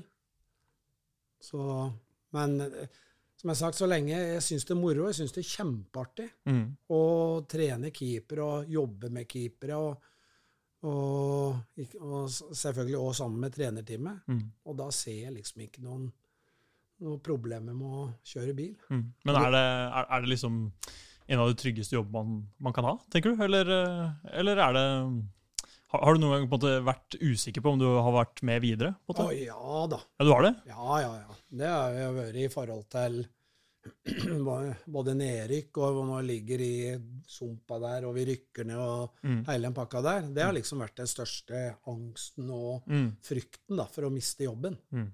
Og der har vi, der har vi vært en del ganger, for å si det sånn. Mm. Mm. Så eh, det, det, er, det er en vond følelse. Men eh, da uh, Marte Andresen tok over, så Ja. presenterte jo en haug med trenere. Ja. Men uh, du var jo igjen. Uh, Ja. Var det noe tema? At du, skulle, uh, at du ikke skulle bli med videre da? Ja, det var jo eh, diskusjoner eh, eh, For Martin kjente jo ikke, kjente ikke meg i det hele tatt. Mm. Så vi hadde en par måneders eh, tid der fra januar til ut februar, hvor Kall det gjerne at de var på prøve, da. Mm. Og så husker Martin tok med meg i badstua nede på La Manga der og, og sa det at det, dette, er så, dette er så bra, så vi Mm. fortsetter. Mm. Så det var vel den nærmeste jeg liksom, hvor jeg har følt at eh, Mm. jeg virkelig må, må prestere. Mm. For du er jo den som har sittet lengst i uh, ja, i hvert fall uh, Vålerenga fotball elite, men sikkert Ja. uh, i uh, Vålerenga generelt. Ja, det, ja, det er det ikke ingen tvil om. Mm. Imponerende. Ja, det, det, det er jo som du sier, det er jo helt sikkert fordi du trives. Det, du virker jo som det er mye som angår miljøet i det å være en eh, del av et trenerteam også, som det virker som du trives veldig godt med. Og når du sitter og forteller om historier og alt du har vært med på, og, og de greiene der, så virker det som at det er veldig mye av pakka, det òg. Ja, det, det, selvfølgelig. Eh, å være i et trenerteam i en fotballklubb Jeg, har, jeg er jo utdanna lærer og jobba som lærer i mange mange år. Og det, det er ganske stor forskjell, for at et trenerteam, der, der må du ha god kjemi. For vi er sammen, treningsleirer, så er vi jo sammen nesten 24 timer i døgnet. Mm. Over lengre perioder. Samme eh, bortekamper så er det jo borte som oftest fra lørdag til mandag. Så vi er avhengig av å, være, av å trives sammen. Vi må ha det moro sammen. Mm. Og vi skal være seriøse, og vi jobber mye. Men vi må ikke glemme å ha det moro. Og Mm. det, det har vi òg. Og det, det er en avgjørende faktor for å, for å klare å holde ut i denne jobben her, da. Mm. Det virker som det har bra kjemi i trenerteamet nå, da. Ja, vi har det ja. veldig bra. Vi har det veldig artig sammen. Men av, av andre som du har vært i trenerteam sammen med før, hvem er, det du, er det noen du savner noen gang, liksom, som du gjerne skulle, som, som, som du hadde en litt ekstra god tone og kjemi med? Nei, ingen sånn spesiell, men eh, det, det er jo liksom rart med det at eh, når vi først er samla, når vi er samla sånn i team, så, så er vi tette, og vi har veldig mye kontakt. Men det er klart at eh, når jeg har vært i så mange år, så er det jo fryktelig mange han eventuelt burde ha hatt kontakt med og forholdt seg til. Da. Mm. Og det blir ikke at du, at du gjør det, for det er så intensivt når vi er samla, eller når vi, Mm. sånn som nå, at du har nesten ikke tid og ork til å Har en reisevei òg, så ja, ja. til å ha kontakt med så mange. Så det, er- det er mange som jeg, var, som jeg var veldig glad i, og som jeg, som jeg trivdes innmari godt sammen med. Og som vi hadde det veldig moro sammen. Men eh, jeg tror ikke jeg skal nevne så mye navn. Nei. Du savner kanskje ikke å bli kalt Gjertrud, liksom? Nei, Reka og jeg var jo mye sammen. Vi, vi hadde jo veldig kontakt, og vi pratet jo mye, for han bodde jo på Ottestad og jeg Ja. eh, Mm. på Gjøvik, så vi kjørte jo samtidig nedover. Og Mm. da blei det jo til at vi slo på tråden til hverandre og, og prata mye. Mm.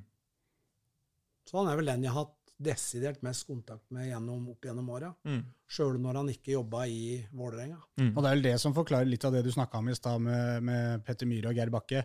Eh, at sant, Det er jo folk som du har kjent Ja. veldig godt, ikke sant? Eh, på en helt annen måte enn folk som står på en tribune og bare Ja, ja. er opptatt av en klubb, ikke sant? Absolutt. mot en annen klubb. For det det er litt det samme som når vi snakka med Grorud, skulle møte Skeid nå, Mm. hvor treneren til Grorud sier at eh, jeg er jo veldig glad i mange av de folka i Skeid, men klubben Grorud er ikke noe spesielt glad i klubben Skeid.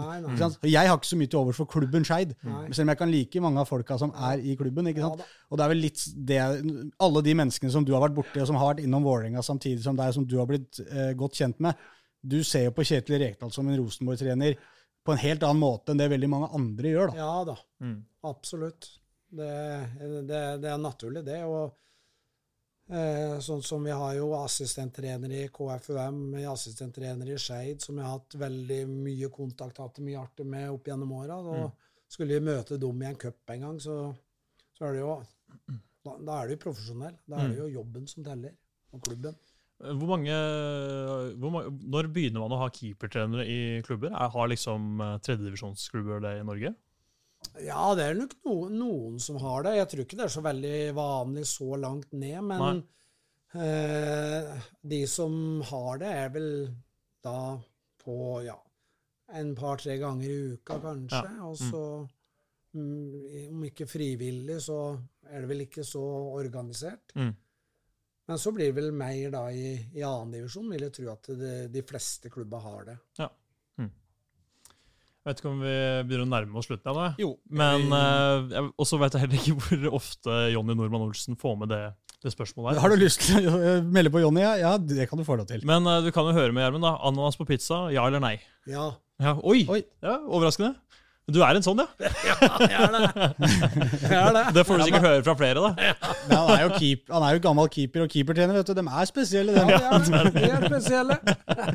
Og står i det. Ja, og så til slutt, da. Hva er de viktigste personlige egenskapene en uh, ung keeper må ha for å lykkes på et høyt nivå? Eh, Den må ha en veldig indre motivasjon og driv. Han må ville bli bedre. Han han må tåle å trene mye. Han må være reflektert og bevisst på hva han skal jobbe med. Mm. For, for ofte unge keepere så er det ikke alle som har eh, keepertrening. Derfor så er det viktig å se, se på keepere på YouTube eller hva det måtte være. Eller kom tidlig på kamp og se på litt Kom oppvarming tidlig på der. Kamp, ja. Mm. Det er er veldig bra. Og så må du trene mye. Så disse keeperne våre her nå, de ligger, de ligger på ti økter i uka i kampsesongen. Mm. Og det er klart at da, nå, nå skal ikke en unggutt trene ti økter i uka. Han skal gå på skole og skal leke med kamerater og sånn, men han må tåle å trene mye. Han må ville trene mye. Mm. Det er det viktigste.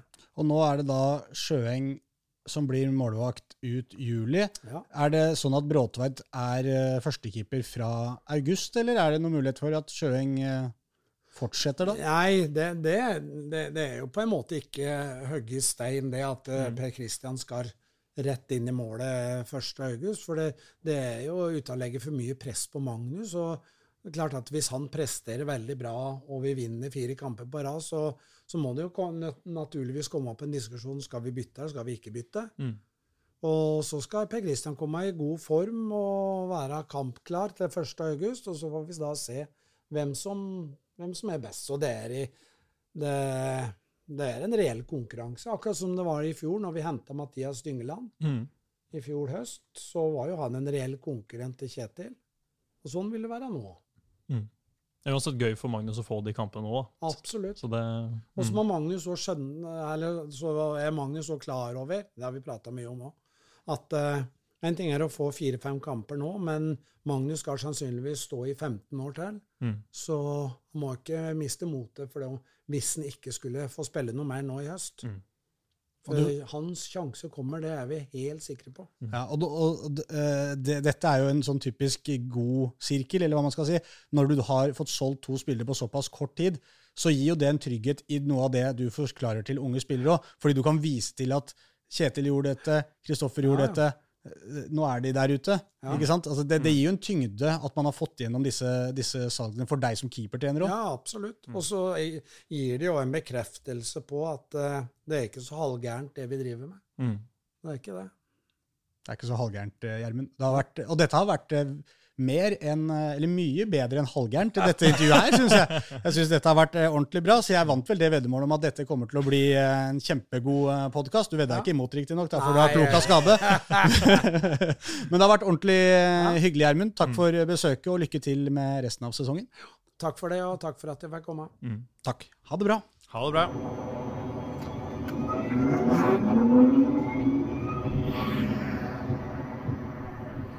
Da er vi tilbake fra Intility, hvor vi har prata med Gjermund Østby. Det var hyggelig. Nå skal vi ta en liten oppsummering av eh, det andre Altså det Ikke det andre som har skjedd, for så vidt. Alt som har skjedd. Vi har ikke oppsummert så mye med Gjermund, så vi skal ta det sportslige for våre andre fotballag her i byen. Og til den oppgaven så har vi kasta Jonas Booker på dør. Ble det riktig? Booker? Det får vi, vi får høre det. Vi får nok høre det hvis det er feil. Ja. Eh, og fått inn deg da, Pål Karstensen. Hyggelig, hyggelig. Vi skal ta Det er ikke så ofte vi er to stykker bare i, i, til å spille inn dette her. Jeg, tror, jeg har aldri vært med på det, i hvert fall. Ikke heller. Nei, ikke Litt- to. Litt annen dynamikk, litt koseligere. Ja, det er hyggelig. Jeg synes dere satt spesielt stor pris på at du tente et lite stearinlys og, og satte frem litt sånn ost og kjeks.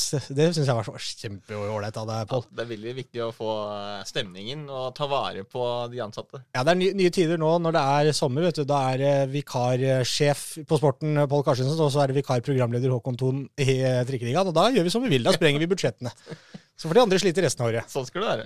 Ok, vi, eh, vi har jo hatt Vi får begynne med det som er eh, Det er kanskje litt kjedelig å begynne med den, det eldste nyhetene, men bare for å bli ferdig med det. Cuprunde i midtuka. Og vi har jo fremdeles Vi hadde noen lag med, og vi har eh, enda færre videre. Skal vi ta Vålerenga først, kanskje? Hvor Sjøeng, som vi prata jo litt med Østby om denne kampen, da, så vi trenger ikke å gå så veldig grundig til verks. Men det så jo legge ut til å bli drømme, altså ordentlig drømmedebuten for eh, Sjøeng, men eh, det var ikke hans feil at eh, det endte 0-1. Nei, det var det ikke. Absolutt ikke. Vi snakka jo med han før sesongstart. Han ønska jo og håpte jo på å få, få debut og få et gjennombrudd. Eh, og nå har han jo én kamp. Han får jo, han får jo fire kamper til eh, før eh, Vålerenga kan bruke Bråtveit. Ja, og som du ikke vet akkurat nå, men som lytteren vet, så var jo, eh, var jo Østby klar på at eh, det kan jo hende at det blir mer også. Man får jo se an, og hvis det står Hvis man har holdt nullen i fire kamper og vunnet alle fire i, i juli, så, så er det ikke sånn automatikk i at Bråtveit skal rett inn, men i utgangspunktet så lukter det jo litt at det blir kanskje de fire forsøkene, da. Ja, eh, og da, da får han jo i hvert fall eh, de fem kampene da, på å vise seg fram. Og det er jo som Fagermo sa også, det jo, jeg har jo ikke lyst til å sette han rett ut av laget etter den kampen han gjorde mot, uh, mot Bodø-Glimt. For han var, altså, han var veldig god. Ja. Han redda straffe, til og med, mm. i debuten. Altså, Stort bedre enn det blir du ikke når du er ung og lovende keeper fra Vålerenga, liksom. Så, så det var jo eh, Jeg håper å si Beholdningen, eh, store beholdningen for, for Vålerenga det, det er jo en kamp sånn som Vålerenga har spilt mye av denne sesongen her. Eh, det, de blir jo ikke rundspilt, liksom.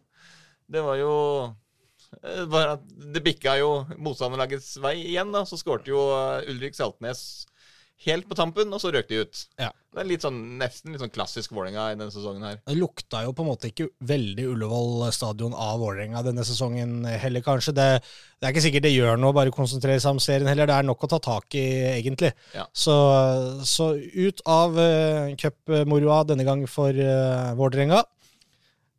For uh, Kjelsås og Skei, der var det bare mulig for oss å få ett lag eh, videre. Det var jo et ordentlig morsomt oppgjør, da. Det, som det alltid blir når uh, de to uh, rivalene Det er jo Det er jo den kampen, en av de kampene i Oslo-fotballen i hvert fall, med aller størst uh, betydning for en del folk. Det er veldig sterk rivalisering mellom Kjelsås og Skeid, og jeg jo, setter jo veldig pris på det at, det at det ikke er litt sånn flåsete og kunstig eh, hat, nærmest, eller misnøye med hverandres klubber. Det er virkelig sånn at de to laga der ikke er spesielt glad i hverandre, selv om det går litt sånn på kryss og tvers innad i familier og litt sånne ting. at eh, De er jo såpass nære geografisk at eh, litt vennskap er det jo også selvfølgelig i bunn, men, men det er en sånn ordentlig ordentlig eh, god ramme rundt de matchene der. og Det var jo nesten 1000 tilskuere på Grefsen stadion.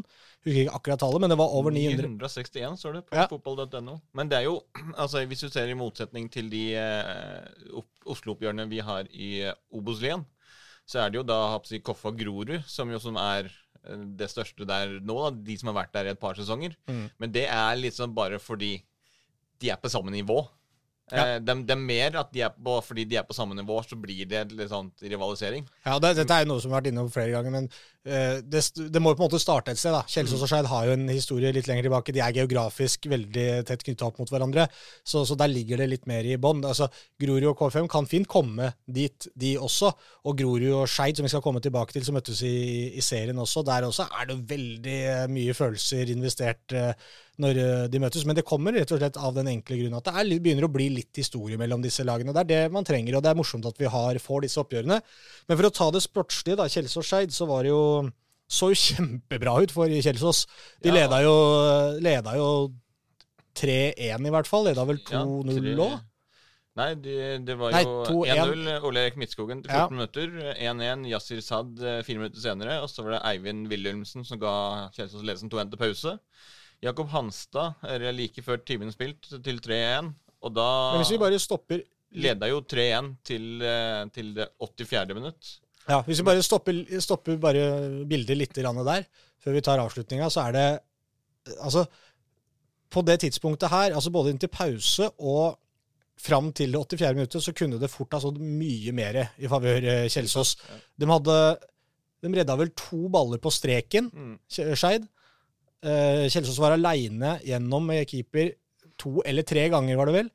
At de hadde noen altså så feite sjanser, men allikevel så føltes det jo ut som at dette skulle gå veien da, for, eh, for Kjelsås. Og så kom jo disse byttene da, til, uh, til Gard Holme. Trippelbytte kvarteret før slutt med Budesson, Bendik Riise og Jakob eh, Romsås eh, inn. Ja, og da var det, da ble det plutselig noe helt annet med en gang. Og som Eivind Kampen sa etterpå, de gutta der de har på en måte en litt annen kvalitet. De kommer inn, og de trenger bare den ene muligheten. da, Hvor Kjelsås bomma, bomma, og Skeid-spillerne også bomma. Skeid hadde noen sjanser, de òg. Skal nevnes det før disse byttene. Men så første muligheten Romsås får, i da det 84. minuttet, så setter han i, i kassa. Mm. Og så er jo dramatikken langt fra ferdig. Ja, nei, det, det er jo ikke det. Jeg- Vi, vi, Skeid frykta jo den kampen her på forhånd. Og det så jo fryktelig tungt ut veldig lenge. Mm. Men etter det, det trippelbyttet så endrer jo kampbildet seg litt. eh, og da Hvem ellers enn Jonny Budesson? Han måtte jo skåre, han igjen. Han skårer jo alltid. Ja. På, på Grefsen stadion. Og det var, eh, var det 2019, tror jeg, da lagene møttes på Grefsen stadion. I cupen eh, Ja, men i cupen sist. Ja. Altså, Sist de lagene, to lagene møttes, det tror jeg var i cupen i 2019. Og da øh, det, det var jo mer eller mindre nesten en reprise, bortsett fra at da var det Kjelsås som utligna til 3-3 på overtid, og Skeid tok det til slutt. Nå var det Skeid som utligna på overtid, men likevel så var det jo da Skeid som gikk seirende ut til slutt i denne kampen her, da, for øh, det, det var et kappløp mot tida for Kjelsås. De, de så så slitne ut, og så ble det overtid. Og da var vi nesten sikre på at Skeid kommer til å ta det i overtida. Men så kjemper Kjelsås seg gjennom det. da, Kommer seg til straffesparkkonkurranse. Men uh, to bom der. To redninger av uh, Gundersen, som sto for uh, Skeid. Som gjør at uh, Skeid da er videre i uh, cupen, til Gard Holmes selvfølgelig store fortvilelse at de må fortsette i cup. Bendik Riise, som jo satte inn den, den avgjørende straffesparket mot, mot Kjelsås, han ble jo også avgjørende i, i uh, Skeids uh, ligakamp, som vi kommer tilbake til Ja, litt var ikke noe dårlig senere. uke for Bendik Riise. Nei, det kan vi jo ikke si. Men uh, Skeid videre uh, etter Vi har jo flere straffe... Mer straffedrama, vi i cupen. Ja, Koffa møter jo Sogndal to ganger på kort, kun kort tid, som det heter. Først så møtte de jo Koffa Sogndal i cupen i midtuka, og så møtte de jo eh, Sogndal på samme sted. Eh, Koffa KFM Arena i helga. Den eh, kampen endte jo eh, med straffekonk og fullt drama, den også. Eh, det var jo og en ordentlig, ordentlig fyring på sidelinja der mellom Tor André Flo og Jørgen Isnes også. Det, det har jeg ikke fått sett selv ennå, og det, det har jeg veldig lyst til å se. Ja, og jeg håper å si eh, Jørgen Isnes kan jo at han kan fyre seg litt om og være litt sånn het i, i kampen. Sånn. Det er jo ikke så unaturlig. Nei, han, le, Eh, han lever med. Han lever med og er litt sånn uansett. Og det er vel glimt i øyet, og det er litt sånn, men, han, kan bli litt engasjert. Ja, ja, ja. Tor André Flo, derimot, Det var overraskende. ja, han pleier liksom ikke å altså, han, han pleier å være ganske lugn, Ja. rolig på Ja. sidelinja. Så at han skulle komme inn og munnhyggeri og baske, Eller ikke basketak, Men at de, da, men... at de sto så nær hverandre, og det holdt på ganske lenge òg. Ja. Jeg føler at Isnes veldig ofte, hvis det er litt sånn, så, så, så kan han være fly forbanna på et eller annet, og så klarer han som du ofte veldig ofte å liksom blunke og få frem et smil og en, og en god kommentar som avvæpner ofte situasjonen. Her virka det som at her var det nok for begge to, virka det som. Så da var det jo, som Isnes vel selv skrev også, det var en deilig revansje, da. Som kom, eh, kom både for enkeltspillere og for eh, klubb. For det var jo eh, Dodo, Gaie og Petter Nåsa bomma på straffespark mot Sogndal i cupen, og så kommer seriekampen. Det jo det eh, For det var deres to straffespark som gjorde at de røk ut eh, mot Sogndal i cupen. Og så var det vel eh, Ja, det var jo tre-fire dager senere. Eh, så var det jo den første omgangen som de leverte Koffa mot, mot Sogndal eh, i liakampen, da. Det var jo, som de selv beskriver, at det var årsbeste. Fordi det, det var en kjempegod eh, eh, Veldig god oppkjør, oppkjøring. De skårte jo mål og spilte, spilte strålende. Og da var det jo nettopp de spillerne som bomma på straffe, som tok ansvar og skåra for, eh, for Koffa. Det var jo eh, først Først allerede etter tre minutter, altså pangstart, med Daddy Dodo Gaie, som skårte. Og så Simen Hestnes, som jo eh, etter rapportene var banens beste spiller. Eh, før Petter Dahl eh, skåret etter 28 minutter. Så leda jo eh, Koffa 3-0 til pause etter det de karakteriserer som eh, Nei, altså 3-1, da. Andreas van der Spa skåret jo rett før pause for eh, Sogndal. Men det var liksom årsbeste, som de karakteriserer det. Og eh, si, et par dager før, når, liksom, når det er de to som har bomma på straffe, og sendt som laget ut av cupen, og så går det et par-tre dager, og så går det liksom tre minutter. Så skårer, eh, Gaie, og så skårer Peter Notakare Dahl eh, også i den samme omgangen, som liksom er årsbeste for laget. Det, det, det må være en herlig revansje både for de to spillerne, men også for, for Jørgen Isnes. Både altså eh, Å gjøre det og se liksom at For de, de gjorde jo litt, litt endringer, litt taktiske eh, grep, og se liksom at det, det funker så bra som de gjorde. Ja, og det er jo noe med når eh, Når du, etter du taper den cupkampen, og det er kjempefeiring i bortegarderoben, og, og du, du er langt nede etter å ha tapt en straffesparkkonkurranse, og så er du tilbake på søndag mot samme motstander og vinner i serien. Og jeg tror det er litt sånn at hvis du hadde fått valget mellom å vinne, gå videre i cupen eller ta tre poeng i serien, så tror jeg de fleste tar tre poeng i serien. Ja. Eh, virker det litt sånn. Nå er jo og jeg er veldig glad for det. Isnes er jo ekstremt uh, glad i cupen, selv om han også er enig i at det er mye rør med den uh, for tida. Så er det likevel noe med at å ta den på alvor. Det er morsomt med et cupeventyr, men allikevel tre poeng hjemme mot Sogndal. Ekstremt viktig med tanke på tabellsituasjonen. Og, og på mange måter så kunne, så kan, uh, kunne Isnes søndag kveld måte slenge beina på bordet og, og konstatere at vet du hva, det var på måte, mange måter vi som står igjen som som vinneren av dette dobbeltoppgjøret. Selv om de hver vant en kamp, så, så var det Koffa som tok på en måte den viktigste seieren. Ja, ja, det er akkurat det. Nå har jo Koffa de siste sesongene vært det laget som har gått lengst av, av Oslo-lagene. Eh, de har jo eh, kvartfinale har det jo vært i de siste sesongene, og eh, den kvalifiseringsplassene i, eh, i eh, ligaen. Så, så, eh, og det- er, veldig, altså, det er veldig bra eh, å gjøre det, klare å gjøre, gjøre det hver gang. Det viser jo at de tar cupen på alvor også. Ja. Og den der kampen mot Kristiansund, som de jo spilte i cupen i fjor, Mm. eller ja altså Du spilte den i Spilte år, men Ja, de spilte den jo for 100 år siden. ja, Men det var jo da altså i fjorårets cupturnering. Ja, er jo noe av det altså, beste altså, Det er jo en, kanskje den beste kampen som Koffa har spilt noensinne. Mm. Så, så det viser at de tar eh, cupen på, på alvor, og at de, eh, selvfølgelig ønsker å gå videre. Ja. Men eh, når det er sånn det blir, altså tape på straffer og sånn, så er det altså det, det er nok sånn som du sier, at det er viktigere å vinne ligaen. Mm. Fordi de hadde jo ikke blitt norgesmestere i cupen. Det- Ja, det, skal man altså, sånn, det, Man får man, veldig fort gjort å sitte og si at det, den blir ikke Norge. Men det er jo bare altså, Hva er det som egentlig forteller oss at de ikke blir det? det er jo, de ligger i nest øverste divisjon, så det skal, det skal mye til. Det skal det. Men det er noe med den der troa som Isnes er så god til å gjenskape år etter år også, med alt de holder på med der oppe. Jeg skal ikke Isnes all skryt for dette, for det er, det er lagarbeid og det er klubbarbeid eh, på høyt nivå fra KFM. Men vi har vel KFM har aldri, tror jeg, vært nærmere å være Oslos beste lag enn de er akkurat nå. Og det er no, dels pga. hva de presterer selv, men også dels fordi at Vålerenga da er uh, mye svakere enn de har vært på lang tid. Og hadde du satt opp KFUM mot Vålerenga i en enkeltkamp nå Jeg veit ikke hvor du hadde satt, uh, satt penga dine. Altså, fordi at det er uh, KFUM de går så bra nå år etter år. Kontinuitet på både spillertropp og trenerside. Eh, det er positivitet med tanke på bygging av arenaer og alt dette som er eh, rundt.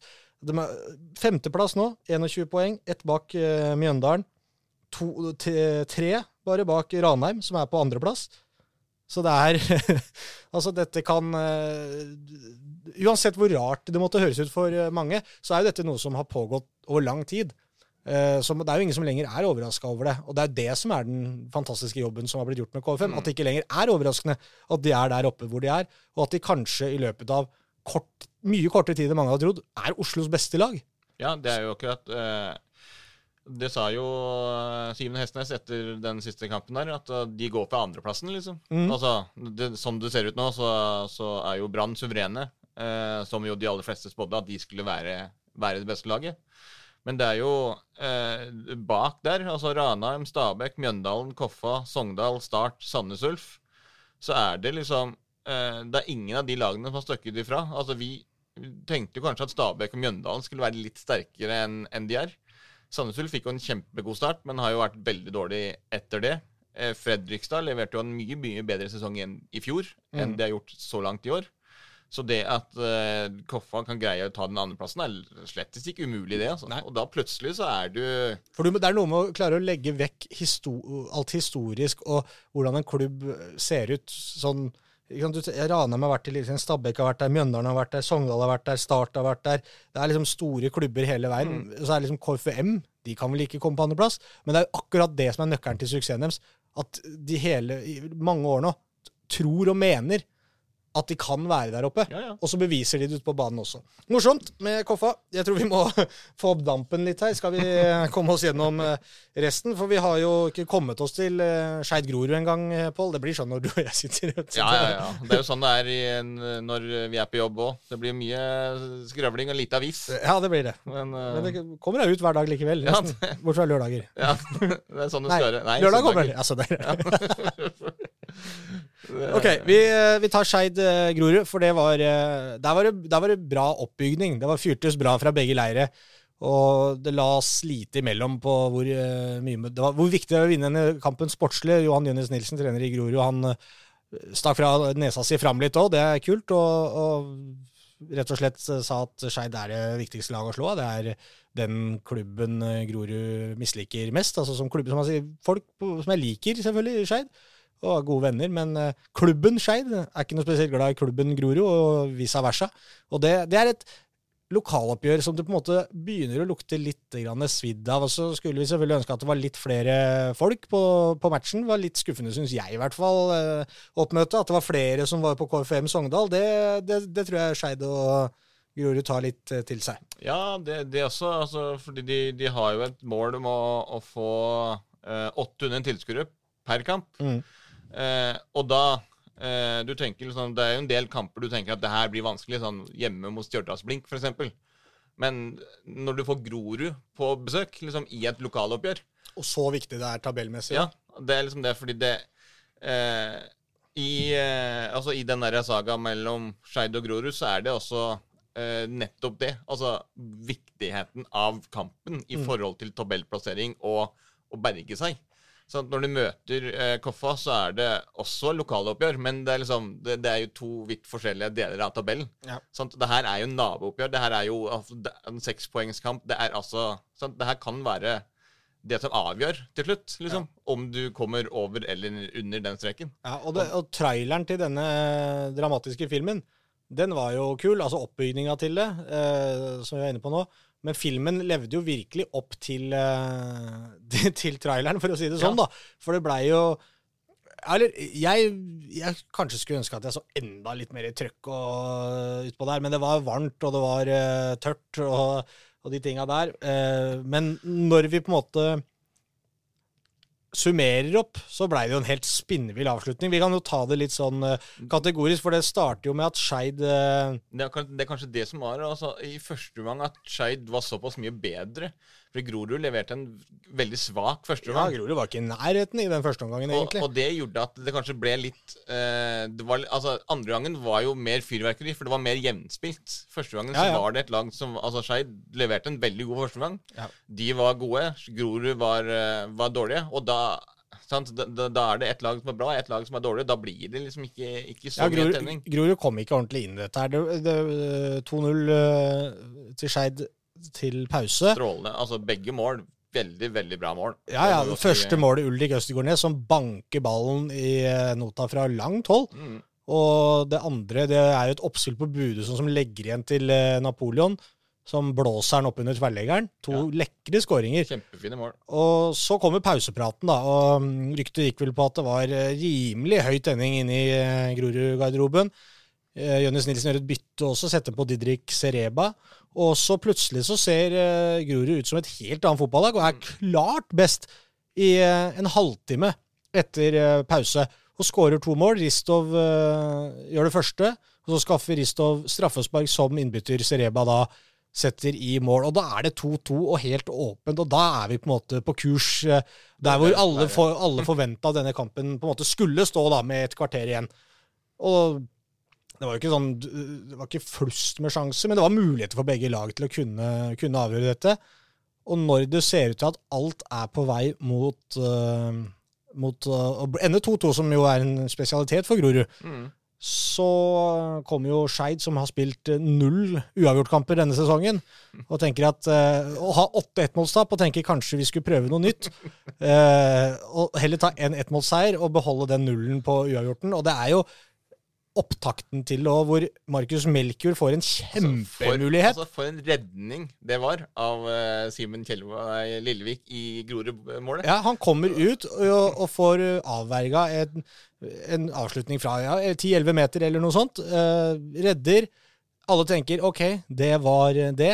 Grorud i overtall inne i egen boks, men klarer ikke å få plukka opp uh, Bendik. Bendik Riise, som, eh, som dunker ballen i mål og avgjør hele kampen. Og det var vel Hans første ligamål.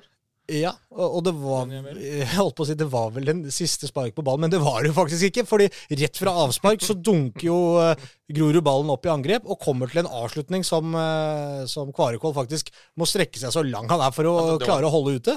Veldig god, god redning òg. Ja. Så, det, så det, det blei ordentlig dramatikk siste minuttet der, og, og det var en eh, sånn sett severdig kamp. Men det er klart, når du står igjen med den der, etter at du ennå ikke har vunnet eh, en eneste kamp eh, denne sesongen eh, for Grorud, så er det selvfølgelig kjempetungt. Og når jeg snakker om at de ikke har vunnet en eneste kamp i serien, de har faktisk ikke vunnet en kamp i cupen heller. Altså sånn, Nei, de slo fellende ut, Fo- de slo ut Follo, men de spilte jo 0-0 etter eh, 90 minutter. Det var riktignok på en potetåker av en bane, men, men de vant etter straffesparkkonkurranse, så på statistikken så står den som en uavgjort, og så tapte de mot Ullkisa i den andre. Så det har vært fryktelig lite å juble for, og det er jo et viktig aspekt oppi det hele. Den derre tunge følelsen av å aldri få lov til å juble litt sammen. Én ting er jo resultat, tabellsituasjonen og poengsituasjonen, men det er jo viktig det, følelsesmessig oppi det hele her òg. At eh, Få en god prestasjon. Og det er det Grorud trenger nå. Og nå, som jeg snakka med Johan etter kampen nå, nå, nå er det egentlig samme faen hvem vi møter. Nå, er, nå driter vi jo i hvem det er som står på motsatt side. Nå må vi bare slå alle lag som kommer nå. Ja, ja. Altså det er samme, fordi Nå taper du borte mot Skeid, som er en kamp du må ha poenget, og helst vinne. Så det er liksom, Hvis ikke vi slår Skeid heller, da kan vi bare Det er ikke vits å se fram mot kampen mot Bryne. eller noe sånt. Du må gå ut på torsdag allerede, så må de slå Er det Sandnes Ulf de har? Så, men eh, Og så, Mankovic, bare si det, det, han tusla jo av banen der òg og sa at det lukter nedrykk av oss, var den eneste kommentaren han hadde. Og det er jo vanskelig å si så mye annet etter at man taper den kampen også. Samtidig så tør jeg ikke å sende de ned. Nei, men- jeg er langt unna å sende dem ned, for de har en evne. Det har vi jo sett før. Altså, sant, I eh, fjor til sommeren i fjor, når Aksel Bergo var trener Mm. altså Det stinka jo enda mer nedrykk Ja. av, eh, av Grorud da eh, enn en, en de gjorde nå. Da lå det jo klart sist og var enda dårligere. Altså Selv om Selv om de har ikke vunnet en kamp i år, så var de dårligere i fjor Ja. stilt enn de er på det tidspunktet her. Og det er jo noe med det, det samme som angår seier. Du trenger å se, det var Johan Jønnes Nilsen inne på, du må, se, du må skaffe den seieren for å ha noe positivt å se tilbake på, se at vi kan, vi får det til. Uh, og det er noe de sliter med nå, gjennom at den seieren ikke kommer. Men det de kan se tilbake på, det er jo at mange av de gutta i den troppen her har vært med på å snu det før. De, de vet at de kan. Så det er ikke det det står på. Det handler bare om å få ut det beste de har. Det de leverte den halvtimen etter pause, Ja, ja. noe i nærheten av det, over 90 minutter, så begynner det å bli eh, poeng av eh, Grorud. Så skal det jo sies at de to siste sesongene eh, så har de jo hatt Oskar Aga i troppen. Hjelper det? Eh, det hjelper jo. Det gjør det. Så altså Ikke til forkleinelse for de som er i Grorud nå. Men det har på en måte vært også Groruds altså Før hver sesong så har de mista veldig viktige spillere. Kanskje kan du, Det er ikke så vanskelig å argumentere for at Oskar Haga kanskje er den viktigste de har mista. Men likevel, de har mista ganske viktige spillere hele veien og klart å erstatte de godt. Så jeg veit liksom ikke om Oskar Haga heller hadde gjort, utgjort den helt store forskjellen. Men det er klart, når du har toppskåreren, så er det jo fordel. Ja, det er jo det. Og det er jo som vi har snakka om tidligere med, med Oskar Aga, så er han en spiller som er veldig flink til å være på rett sted til rett tid. Og han dukker jo opp i boksen. Og det Det, var jo den kampen her mot Skeid hadde vært en sånn typisk kamp hvor Ja. Oskar Aga hadde dukka opp. Og, sant, fordi det var jo det, vi, vi var jo begge på den kampen, Ja. og vi satt jo liksom og, og så på at Altså, På mange av innleggene, eksempel, der eh, altså dagens, eller de som er der, Bjørn Martin Christensen og, og de andre spissene her, Sereba og sånn, eh, der de gjerne ikke har den timingen, eller ikke går på det løpet, eller ikke ser at her kan det komme et innlegg. Ja. Der hadde Aga vært og bare plassert den i mål. Ja. Og det var jo flere ganger i løpet av den kampen at vi eh, kommenterte at her hadde Aga skåret. Liksom. Ja, men det er, jo, det er jo sånn det fungerer, på en måte, og det er hverdagen for Guru. på en måte. Uh, men, men det er selvfølgelig lov å, å eh, drømme seg litt bort i hvordan det kunne ha vært. Men det er på en måte, det er ikke noe hjelp i det heller. Nei, det er ikke det. Altså, Nå handler det om å få de spillerne som er der, til å komme på det, nærheten av det nivået som, som jo Aga har. Men det, men det var jo som vi var inne på også, at Aga had, har jo den egenskapen og at han ikke er så flashy. Mange spillere som er på Grorud noen ganger, så tenker du han er god. Du ser med en gang, selv om du aldri har sett en fotballkamp før, så kan du se at Bjørn Martin Christensen er rask. Han, det er noe trøkken framoverretta. Men, men så mangler han kanskje akkurat det der med å være inne i boksen og, og pusle inn noen eh, enkle goller også, da.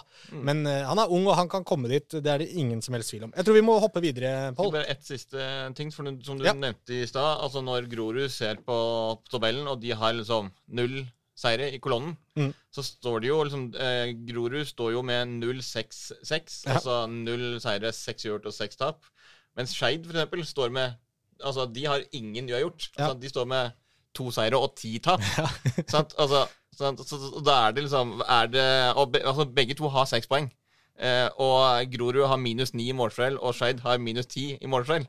Så det er jo altså, det er jo he, altså, dødt løp, liksom. Ja, det er det. Men, men så er det akkurat det. Skeid har vunnet. Mm. Eh, vunnet kamper. Og de har liksom der eh, Vi kan vinne, liksom. Ja. Hvis eh, Grorud skal gå gjennom resten av sesongen liksom, altså, de, Det gjør de jo selvfølgelig ikke, da. Altså, De kommer jo til å vinne en gang. Ja. Men hvis Altså eh, da, altså, Selv om Skeid nå ligger bak Grorud på delen, og de er på nedrykk, og Grorud liksom er eh, på kvalik nå, da, Mm. så, så er du liksom kanskje allikevel den følelsen av at Skeid, vi har vunnet. Vi, det, dette kan vi klare. Ja. Mens Men Grorud men- er litt på den derre De har ikke vunnet ennå, det går litt tratt, det er litt sånn tungt. Vi Nå Ja. må vi få seieren. Ja. Er, men begge, eh, I og med at de har hatt så mange uavgjort, så vet jo Grorud at de også er ganske nær. Ja. Og Skeid har mange ettmålstap. Åtte ettmålstap, eller hva vi fant ut. Og det, eh? Så dem også er ganske nær å ta litt flere poeng. Så jeg, tøk, jeg har ikke lyst til å si at verken den ene eller andre rykker ned. Helt ennå, faktisk. Vi, vi veit ikke hva som skjer med Blink, f.eks., og, og de tinga der. ikke sant? Plutselig Nei, så er det bare ett lag som går rett ned. Vi håper jo selvfølgelig Stjørdalsblink, Bryne og Kongsvinger på de tre nederste plassene. Ja, da, det, vi, vi krysser fingra for det. Og jeg, jeg, har, jeg legger ikke bort uh, trua helt ennå. Nå må vi komme oss uh, til um, eh, Ullern. Vard Haugesund Ullern. Den kan du ta kjapt, uh, Pål. Ja, det, altså det er en veldig Vanskelig å ta den kjapt, kanskje. Ja, veldig Du kan ta de første 70. 70, veldig kjapt. Skjedde ingenting. Eller, det, altså det, er en, det var en veldig spesiell kamp, fordi det var jo eh, Etter 72 minutter så sto det 0-0. Etter 90 minutter, altså ferdig spilt kamp, så var det 4-2 og 1 utvist. Ja. Så, altså det siste kvarteret, kan man si, det var uh, hendelsesrikt. Ja. Vi satt jo på Nordre Åsen eh, vel mens denne kampen ble spilt.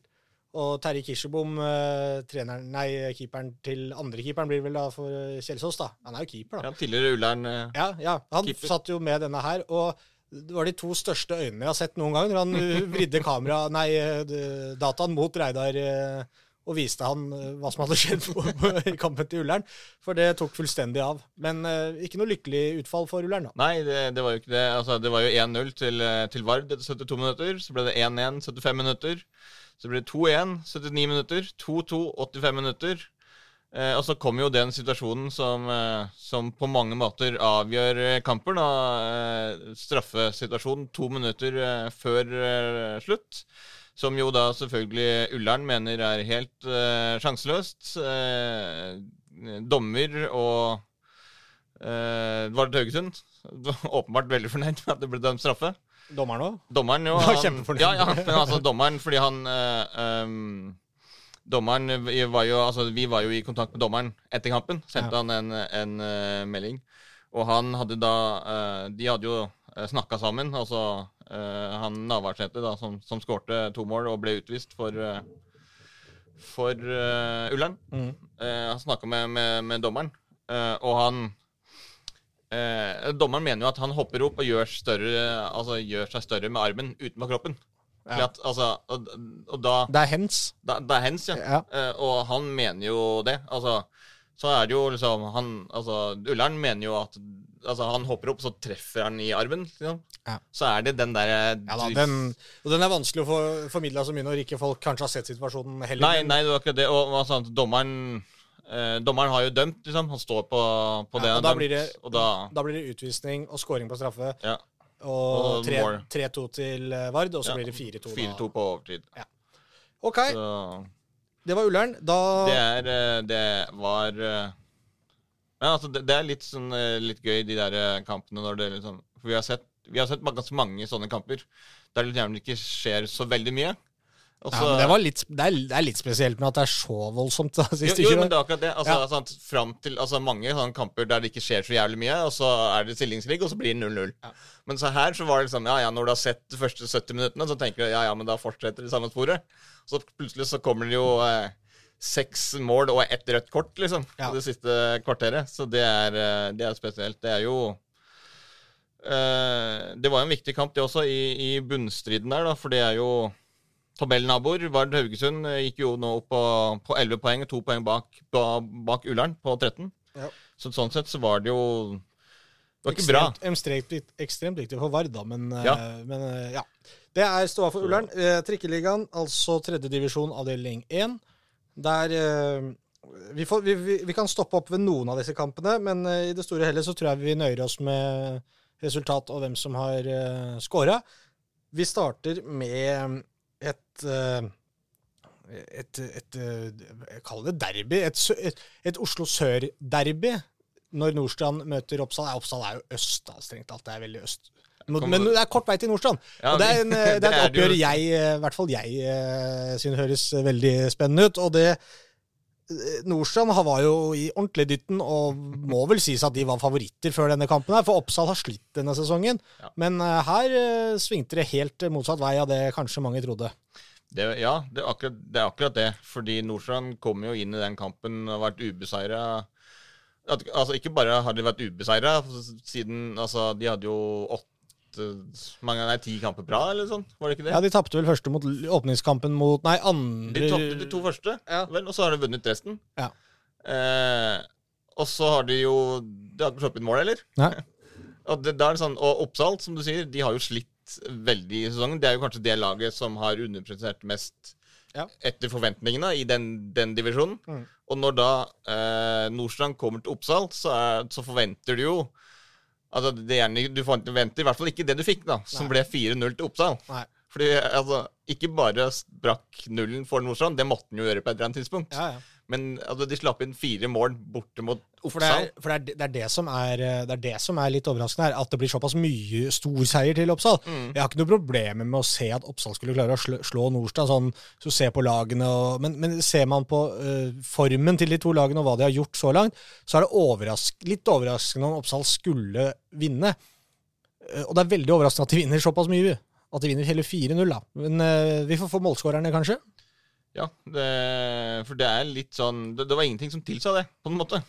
Nei, det er akkurat det. Sånn, Så- Ut ifra forutsetningene inn her, så var det overraskende. Men uh, Daniel Tavakolia skårte på straffe etter uh, 62 minutter. Sami Lulanti 68 minutter. Sondre Melø 3-0 75 minutter. Og Alexander Kjølsen Hansen fikk lov til å sette inn 4-0 på overtid.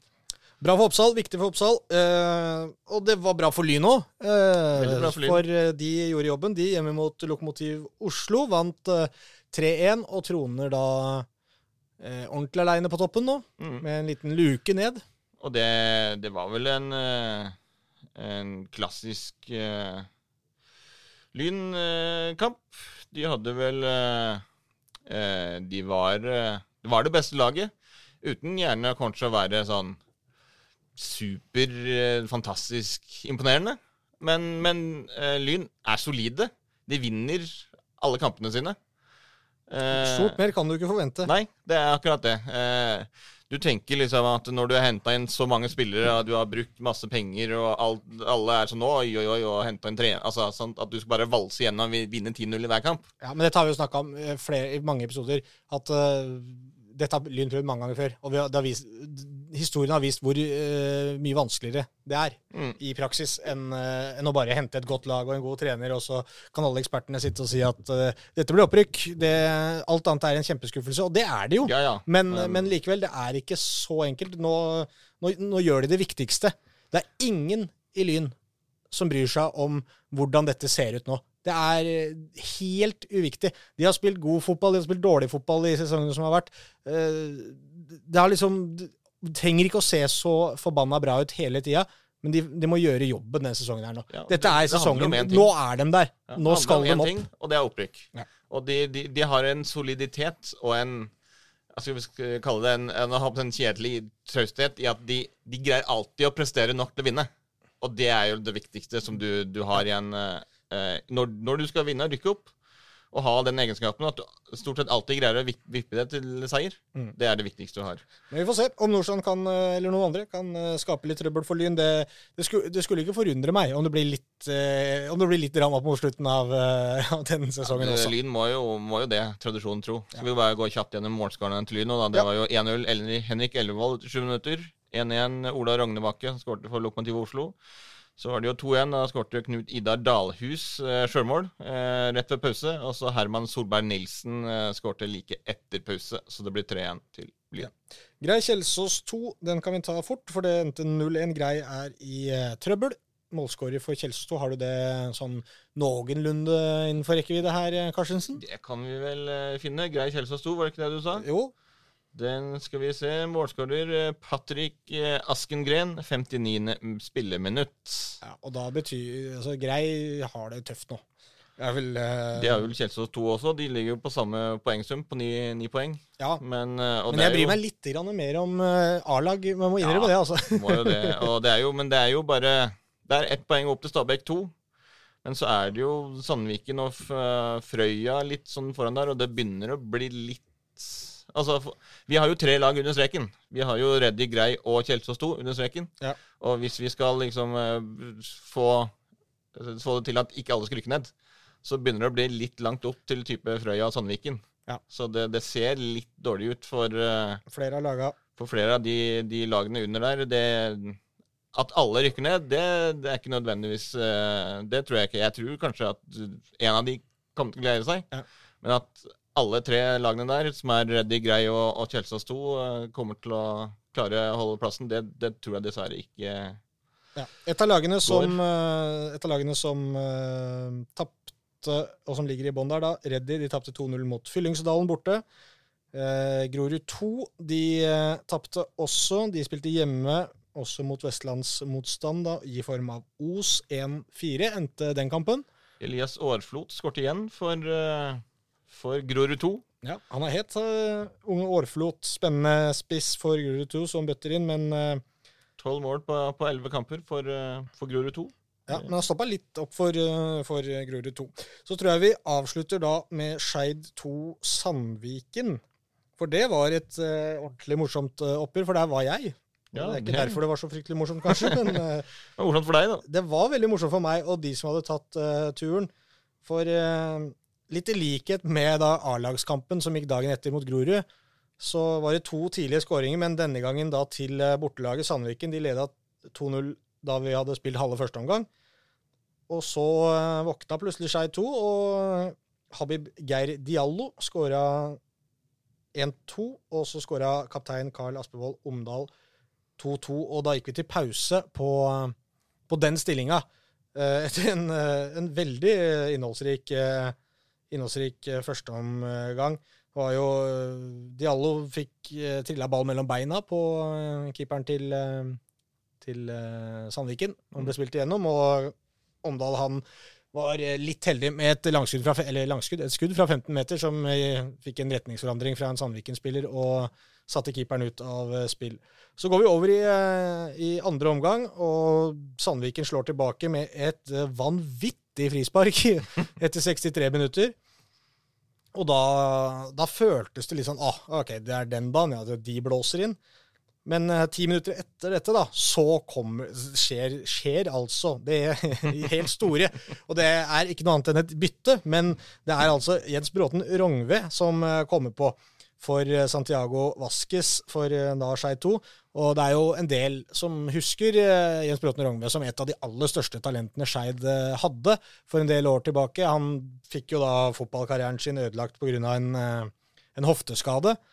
Og har jo vært i klubben og jobber jo med juniorene i, i Skeid. Og, og er jo en veldig sånn likende type. og en vanvittig morsom fotballspiller. Og når han, var på sitt beste, han ga seg da i, i 2018 eh, Det var, eh, det var sånn, sånn ordentlig glad. Jeg ble ordentlig glad bare jeg så han dukke opp før kampen. Eller han, han dukka faktisk opp før kampen, han dukka opp tre minutter etter at det starta. Da kom han tuslende inn med Hadde tatt på seg fotballskoene som noen tøfler. Hadde en kaffekopp og, og, og smilte og prata med meg og Daniel Strand, da, daglig leder i, i Skeid, lite grann. Og da hadde han, vært på, han, vært, han kom rett fra Hamar. Han ble oppringt klokka tolv på dagen, samme dag som kampen var. Og hørte om han kunne komme ned for å sitte på benken da, for uh, Skeid 2. Han hadde vært på konsert i Hamar dagen før, så var jo ikke, var ikke akkurat den kanskje beste oppladninga sånn sett. Men, uh, men, det sier jo noe om hjertet på gutten, da. Og han ta, selvfølgelig satte han seg Om han tok bil eller buss eller tog, det vet jeg ikke, men han kom seg i hvert fall til Oslo. Og fikk på seg treningstøyet, satte seg på benken og kom inn da med 20 minutter igjen av matchen. Det var hans første kamp da, siden 19.10.2019. Ja, det var vel for Årvoll. Årvoll, ja. ja. Han spilte jo en sesong i, i Årvoll etter uh, Skeid i 2018 der. Ja. Eh, men det er, altså, det er nesten tre år, da. Ja. Han, men han sa det jo at uh, at pusten tok jo knekken på han etter ti minutter. Da hadde han nesten ikke noe pust igjen. Men han kom innpå der, og du kjente igjen med en gang òg. Det var det som var så hyggelig. Det var noen pasninger. Uh, Tempoet i, i pasningsspillet var der. Touchen uh, litt lang den ene, men, men liksom henta seg fint inn. Og hadde den kjente roa som han, som han var, hadde så mye av da han var på sitt beste også. Selvfølgelig, Det er en del han har mista. Det er kanskje først og fremst på rett og slett ork. da. Mm. ballfølelse har jo, har jo gutten. Men det løsna da etter at uh, han kom inn, og ikke nødvendigvis bare hans sin uh, fortjeneste. Det kom jo også på et par unggutter i samme slengen, i Mikkel Lindbekk og Markus André Nei. jo, Lindbekk kom inn, og St Starsevic, eller hvordan man skal uttale det, kom inn samtidig som, som Jens Bråten Rognvia. Så kom utligninga, da. Etter 79 minutter. Daniel Lunde. Og minuttet etter så var et innlegg fra Eduard Gjelde som eh, ble sparka i eget mål av uh, Brox hos Sandviken. Og plutselig så leda Skeid kampen 4-3. Og eh, utvisning på gjestene også i det 83., før Lunde da kunne trille inn 5-3 til slutt. En kjempemorsom fotballkamp. Og det var jo han Habib Gerdialo, som er inne på. Han skåra mål. Skaffa straffe, som eh, Lunde Størseth eh, satte i mål, og han skaffa det røde kortet til Emil Orheim Jaff hos Sandviken. Så veldig god match av eh, Diallo også. Longve sa vel etterpå at det eneste som mangla, var at han lagde straffespark for Sandviken òg, for han hadde visstnok en tendens til å kunne, kunne, finne på litt sånne ting òg. Men eh, hadde en stor, stor, match, og en veldig, det var ordentlig gøy å se Jens Bråten Rognve igjen. Og Skei 2 stadig ubeseira i uh, tredjedivisjon. Sju seire, seks uavgjort, null tap. De nekter å tape, gutta fra Eller andrelagsgutta til uh, Skeid. Det er de og Lyn da i den uh, avdelinga som uh, står med en null der i tapskolonna. Da, Pål Karstensen, tror jeg vi skal runde av denne utvida runden, som skulle være en kort, liten seanse på et kvarter. Ble, det ble tre kvarter. Det ble eh, tre kvarter, ja. ja Men det, det, det setter lyset Men det er du som er sjef om dagen, så du, du, godkjenner vel dette? Ja, ja, dette er kjempefint. Jeg skriver timer. Jeg heter Håkon Thon. Pål Karstensen, vi takker for oss. Trikkeligaen hører du igjen eh, neste uke til eh, samme tid. I mellomtiden så får med deg det ferskeste på eh, våre hjemmesider. Dagsavisen.no. Trykk på sport og fotball og det du er interessert i. Det er noe hockey innimellom. Ikke kan du lese om alle andre nyheter. Vi er gode der òg, vet du. Ja, ja, det er veldig Må ikke bare lese fotball, kan du oppdatere deg på litt annet òg. Veldig bra på det som skjer ute i verden. Fine kommentarer. Og... Ja, ja. Noen av dem i hvert fall. Ja, få det på! Og takk for oss. Ha det godt. Ha det.